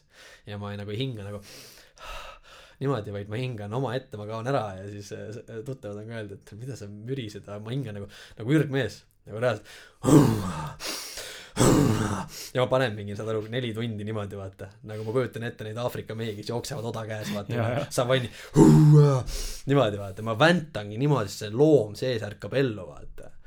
Ehk siis kui ma selle ratta pealt maha tulin siis loobumismõte oli kuskil kuues kilomeeter kui või ma- kolmas kilomeeter mis ta on seal Otepääl see esimene mägi ja ma lihtsalt ei suutnud aru ma jooksin siis ma jooksin nii aeglaselt et ma juba kõndisin aga ma tegin veel jooksuliigutusi et see näeks nagu jooksu moodi välja. Aga tegelikult ma saan aru et mida keda ma petan vaata ma istusin sinna maha tee äärde võtsin tossud jalast ära mõtlesin see ei ole reaalne Ku- kolm kilti et mul on kaheksateist veel see ei ole võimalik. Aga siis jooksis mingi vend mööda mingi sihuke kahekümne aastane kutt kurat ma ei tea kas ta nimi võis olla Karl Mell või ma ei tea ühesõnaga mingi Eesti koondisega triatleet noorem kutt Mhm. jooks mööda. Ja ta on mu vlogi jälginud ja jälgib mind sotsiaalmeedias ja ütles läheb läheb Elvis vana rasva pealt. Saad aru või? Ja see vend nagu mul olid tossud jalga ma olin täi- ta lippas mööda kiiresti ka vaata. Maika täitsa profi maika seljas triatleedi mm. -hmm. maika vaata. Ma läksin nii närvi vaata. Ma olin determined et ma saan selle venna kätte vaata. Ta jooksis kiiresti. Mu esimesed kilomeetrid olid mingi kuus kakskümmend ja mingi see no täiesti katastroofi jooksuaeg vaata ja siis ma iga kilomeetriga sain vähemaks juba kuus, viis nelikümmend, viis kolmkümmend, viis kümme. lõpuks ma jooksin juba pool maratoni aega mingi neli kakskümmend, nagu neli kakskümmend viis, neli kolmkümmend kilomeeter, vaata. ja ma püüdsin selle venna mingi kolm kilti enne lõppu kinni, saad aru või? jooksin mööda, vaata, no kuidas on nüüd? oi, pekki. täis surm täis surm. ja ma sain kätte lihtsalt see vend, vaata ja noh, ma ei oska öeldagi, selles elukorras ma ei mõtle selgelt, et ma nüüd lähen püüan tema kinni, see on mingi instinktiivne selline mehhanism, mis mm -hmm. lööb välja, vaata, et sa lihtsalt tead, et praegu on aeg võidelda, vaata. ja noh, oligi, eks ma puristasin seal neid keele jõhkralt sisse tee peal ja tarbid soola, kurki, vett, keeli, soola, kurki, vett, keeli ja lihtsalt silmad kinni, ma vahepeal jooksen nii, et ma jooksen mingi kaksteist, viisteist sammu silmad kinni, sest nagu ma jooksen vaimses maailmas rohkem kui füüsilises presence'is, vaata. et siis ma teen silmad lahti, vaatan, ah kurb nagu ma tiksun vaata sest silmad võtta, kui sa silmad lahti, see võtab väga palju energiat, sa analüüsid ka puid, maad, teisi inimesi, paned silmad kinni, siis nagu ma mõtlen ainult oma lihaste peale vaata. väga hull. Ja niimoodi ta oli jah, päris huvitav, aga kui sa selle lõpetad, siis see on enneolematu tunne, et eh, nagu ei oskagi tegelikult midagi tunda alguses. ja kui sa pärast istud sellega, siis nagu ma praegu siin istun, mõtlen, ma ei ole näiteks eh, kolm-neli kuud trenni teinud, vaata praegu mõtlen tagasi näiteks Ironmani peale, ma, ma, ma ei suuda, inimesed räägivad seda ja ma mõtlesin, ei saa olla, aga reaalselt ma ei suuda ise uskuda, et ma nagu selle ära tegin, vaata ma ei suudagi uskuda, see, ma praegu mõtlen kolm koma kaheksa kilti minna ujuda Harku järves, sõita sada kaheksakümmend rattaga, joosta nelikümmend kaks. miks? Ma ei, aga nagu, kui sul see mingi kütus välja lööb, siis ma lihtsalt lähen, vaata. millal äh, järgmine Ironman tuleb? no nüüd jäeti ära äh, Otepää oma ja aga plaanisid minna või? viies september lükati täispikk ja poolik mõlemad edasi, aga ja mu vend treenib nüüd, ma, ma räägin, see vlogid ja asjad, see aitas seda, et nagu minu ümber on nüüd neli-viis inimest kes teevad, treenivad Ironmaniks mm -hmm. tänu sellele sisule mingis osas sealt, et ma tegin, nagu see on kütus, see on tasu mulle, see on meeletu tasu. Aga ma see aasta ise ei saa osaleda, sest äh, jah, ma sain eelmine aasta oma jalgpallikeelust lahti, ehk siis ma naasesin ühte mängu nii-öelda siis selle spordiga rahu tegema. tulin jalgpalli mängima ja mängisime JK Retro vastu ja äh, FC Zeniidiga ja ma vanade võistkonnakaaslaste vastu. samast võistkonnast, kus ma siis ära läksin, vaata. ja lõin seal mingi kohe värava ja andsin kohe värava söödu ja paarkümmend mintsa läbi ja kurat nagu poleks pausi teinudki vaata ja aga siis teisel poolel ma ei tea, on see siis mis iganes viha see sealt välja lõi või, või kuidas, aga mulle sõideti ja sisse seal jah, päris agressiivselt ja järgmises olu-, sellel, sellele järgnevas olukorras jalad olid nii pehmed, ma murdsin oma hüppeliigese sidemed kõhre ja kõõluse, no kõõluse põletik siis, kõhre ja sidemed murdsin ära. nii inetult, et ma ei ole nüüd kuus kuud saanud mitte midagi sulle teha ja ma ootan juuni keskpaigus operatsiooni, sest et eriolukorra tõttu on siis plaaniline ravi praegu peatatud. Päris rets. et nüüd äh, tuleb oru-, operatsioon, puurida kolm auku, võtta kõhretükid, vedelikud välja, lihvida, et jalka kasvaks korralikult kokku ja sellega käib kaasas siis kuskil äh, kuuekuune taastusravi ja rehabilitatsiooniperiood, nii et tõenäoliselt minu hooaeg lükkub järgmisesse aastasse. kas see oli märk, et jalka ei ole õige koht, kuhu tagasi minna või? Võib-olla, et ma läksin selle spordiga rahu tegema, aga tegelikult rahu oli ammu tehtud tegelikult juba, nii-öelda. no nii-öelda jah, selles mõttes küll, aga nagu ka füüsilises mõttes mm, -hmm. sest mul on raske vaadata seda sporti kõrvalt, eh, nii et see ei tekitaks alati emotsioone mm -hmm. või flashback'e vaata, et ma pean seal ise kuidagi ka olema sees, et harjuda uuesti ära. ja noh, mis te saate, ma olin selles kurat hea ka vaata, et eh, natuke ikka tõmbab. aga jah, nõelas uuesti, ma ei oska öelda, aga noh, eh, lihtne nüüd öelda, et see on mingi energia või maailm, eks kindlasti seal on ka natuke seda, sest ma tean, et mingid aurad ja asjad sind suunavad ja energiat lükkavad, aga see energia lükkas mind sinna mängima. ja see vigastus omakorda see, et mul see praegu on ja ma ei saa teha. ma tunnen üle pika aja jälle sedasama, millest ma rääkisin, seda, seda meeletut allasurutud viha mm -hmm. ja ma, mhm. ja ma tean, et selleks ajaks, kui see op on tehtud, ma olen selle taastusravi läbi teinud, siis selleks hetkeks on seda viha nii palju, et mingi sportlik äh,. ultramaratoni mi tegema mi. midagi siit tuleb, ma nagu, ma ei oska seda sõnadesse panna oskaks, aga see võtaks liiga kaua aega, et ma tunnen seda, seda kambrit jälle, kus see üks vend teemon kinni on, vaata, et see tuleb sealt ühe korra veel välja, et midagi ma teen midagi huvitavat. Elis, meil hakkab aeg otsa saama. mis äh, tulevik toob? lähi, ma ei teagi, ütleme lähiaasta kaks, kus su fookus on praegu um,? kohvik, mis veel?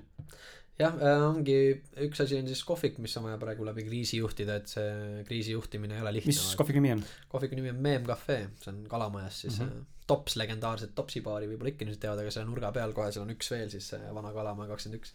aga see läks, see on jah, see all day brunch cafe ehk siis noh, aga see on värskelt tehtud, sellel aasta alguses alles avasime. nii et eh, see on väga värske asi ja kohe kukkus kriis kraesse, vaata. ehk siis nagu ja väga paljud kakskümmend pluss aastat toimetanud äh, kohad toitlustussektoris praegu sulgevad uksi, nii et mm. -hmm. väikeettevõtjale suur challenge, sest kriisiabipaketist meil ei ole lihtsalt mitte sittagi loota, onju. ehk siis vaata ise, kust sa saad. nii et äh, ma nüüd üritan seda elus hoida ja õnneks noh, vigastus ja kõik on ka niimoodi täpselt asjad jälle suunanud, muud niikuinii teha ei ole. pea, jah, üritan pead vee, vee, vee peal hoida siis sellega seoses ning kui siis jah, see, sellega nagu olukord on stabiliseerunud, siis on ka meediamaastikul, ma sellest täpsemalt, sellest praegu ei kaevu, aga meediamaastikul tõenäoliselt ühte, midagi veel oodata mm. -hmm. et ähm, mingit sorti sisuloomet. ja siis äh, jah, ongi, ma üritan siin ka välja mõelda uut sportlikku käiku nii-öelda spordimaailmas ja noh, siin on veel finantsküsimused, ettevõtluslikud asjad veel, millesse ma praegu ei lasku, et äh, kuna selle jutu teema ei olnud praegu see, onju, aga samamoodi jah, et siin on plaan võib-olla siis teistele inimestele ja kuulajatele ja jälgijatele midagi ikkagi veel pakkuda, et ühel Mhm. või teisel moel nüüd siis lihtsalt mitte enam meelelaulu, meelelahutuslikumas võtmes, vaid elulisemas finantsvõtmes, elulises võtmes, sellised motivatsiooniteemad ja nii edasi, et ma tean, et minu roll see on, on ja on olnud sõltumatult seda teha, nii et äh, jah, fookus on praegu, eesmärgid on sinna seatud, aga ennem tuleb selle kriisiga tegeleda, et et ärid ja ettevõtted jääksid püsima.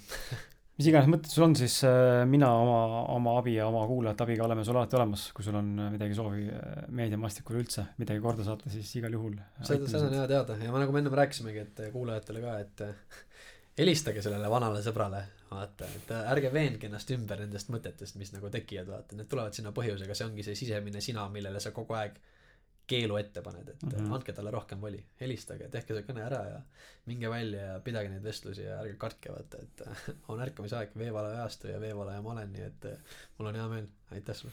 mul on sulle kingitus ka, tegelikult isegi paar tükki. ja iga saatekülaline tegelikult saab meil väiksed, väiksed meemed, meemed kaasa siit, ma kohe vaatan, kus sul see kink on siin. ma võtaksin õige asja lahti siit. seesama või? Banaanileiva juba tõid, see oli päris hea. banaanileiva juba tõin, aga see, kiitus enda elukaaslasele ka, et äh, väga hea.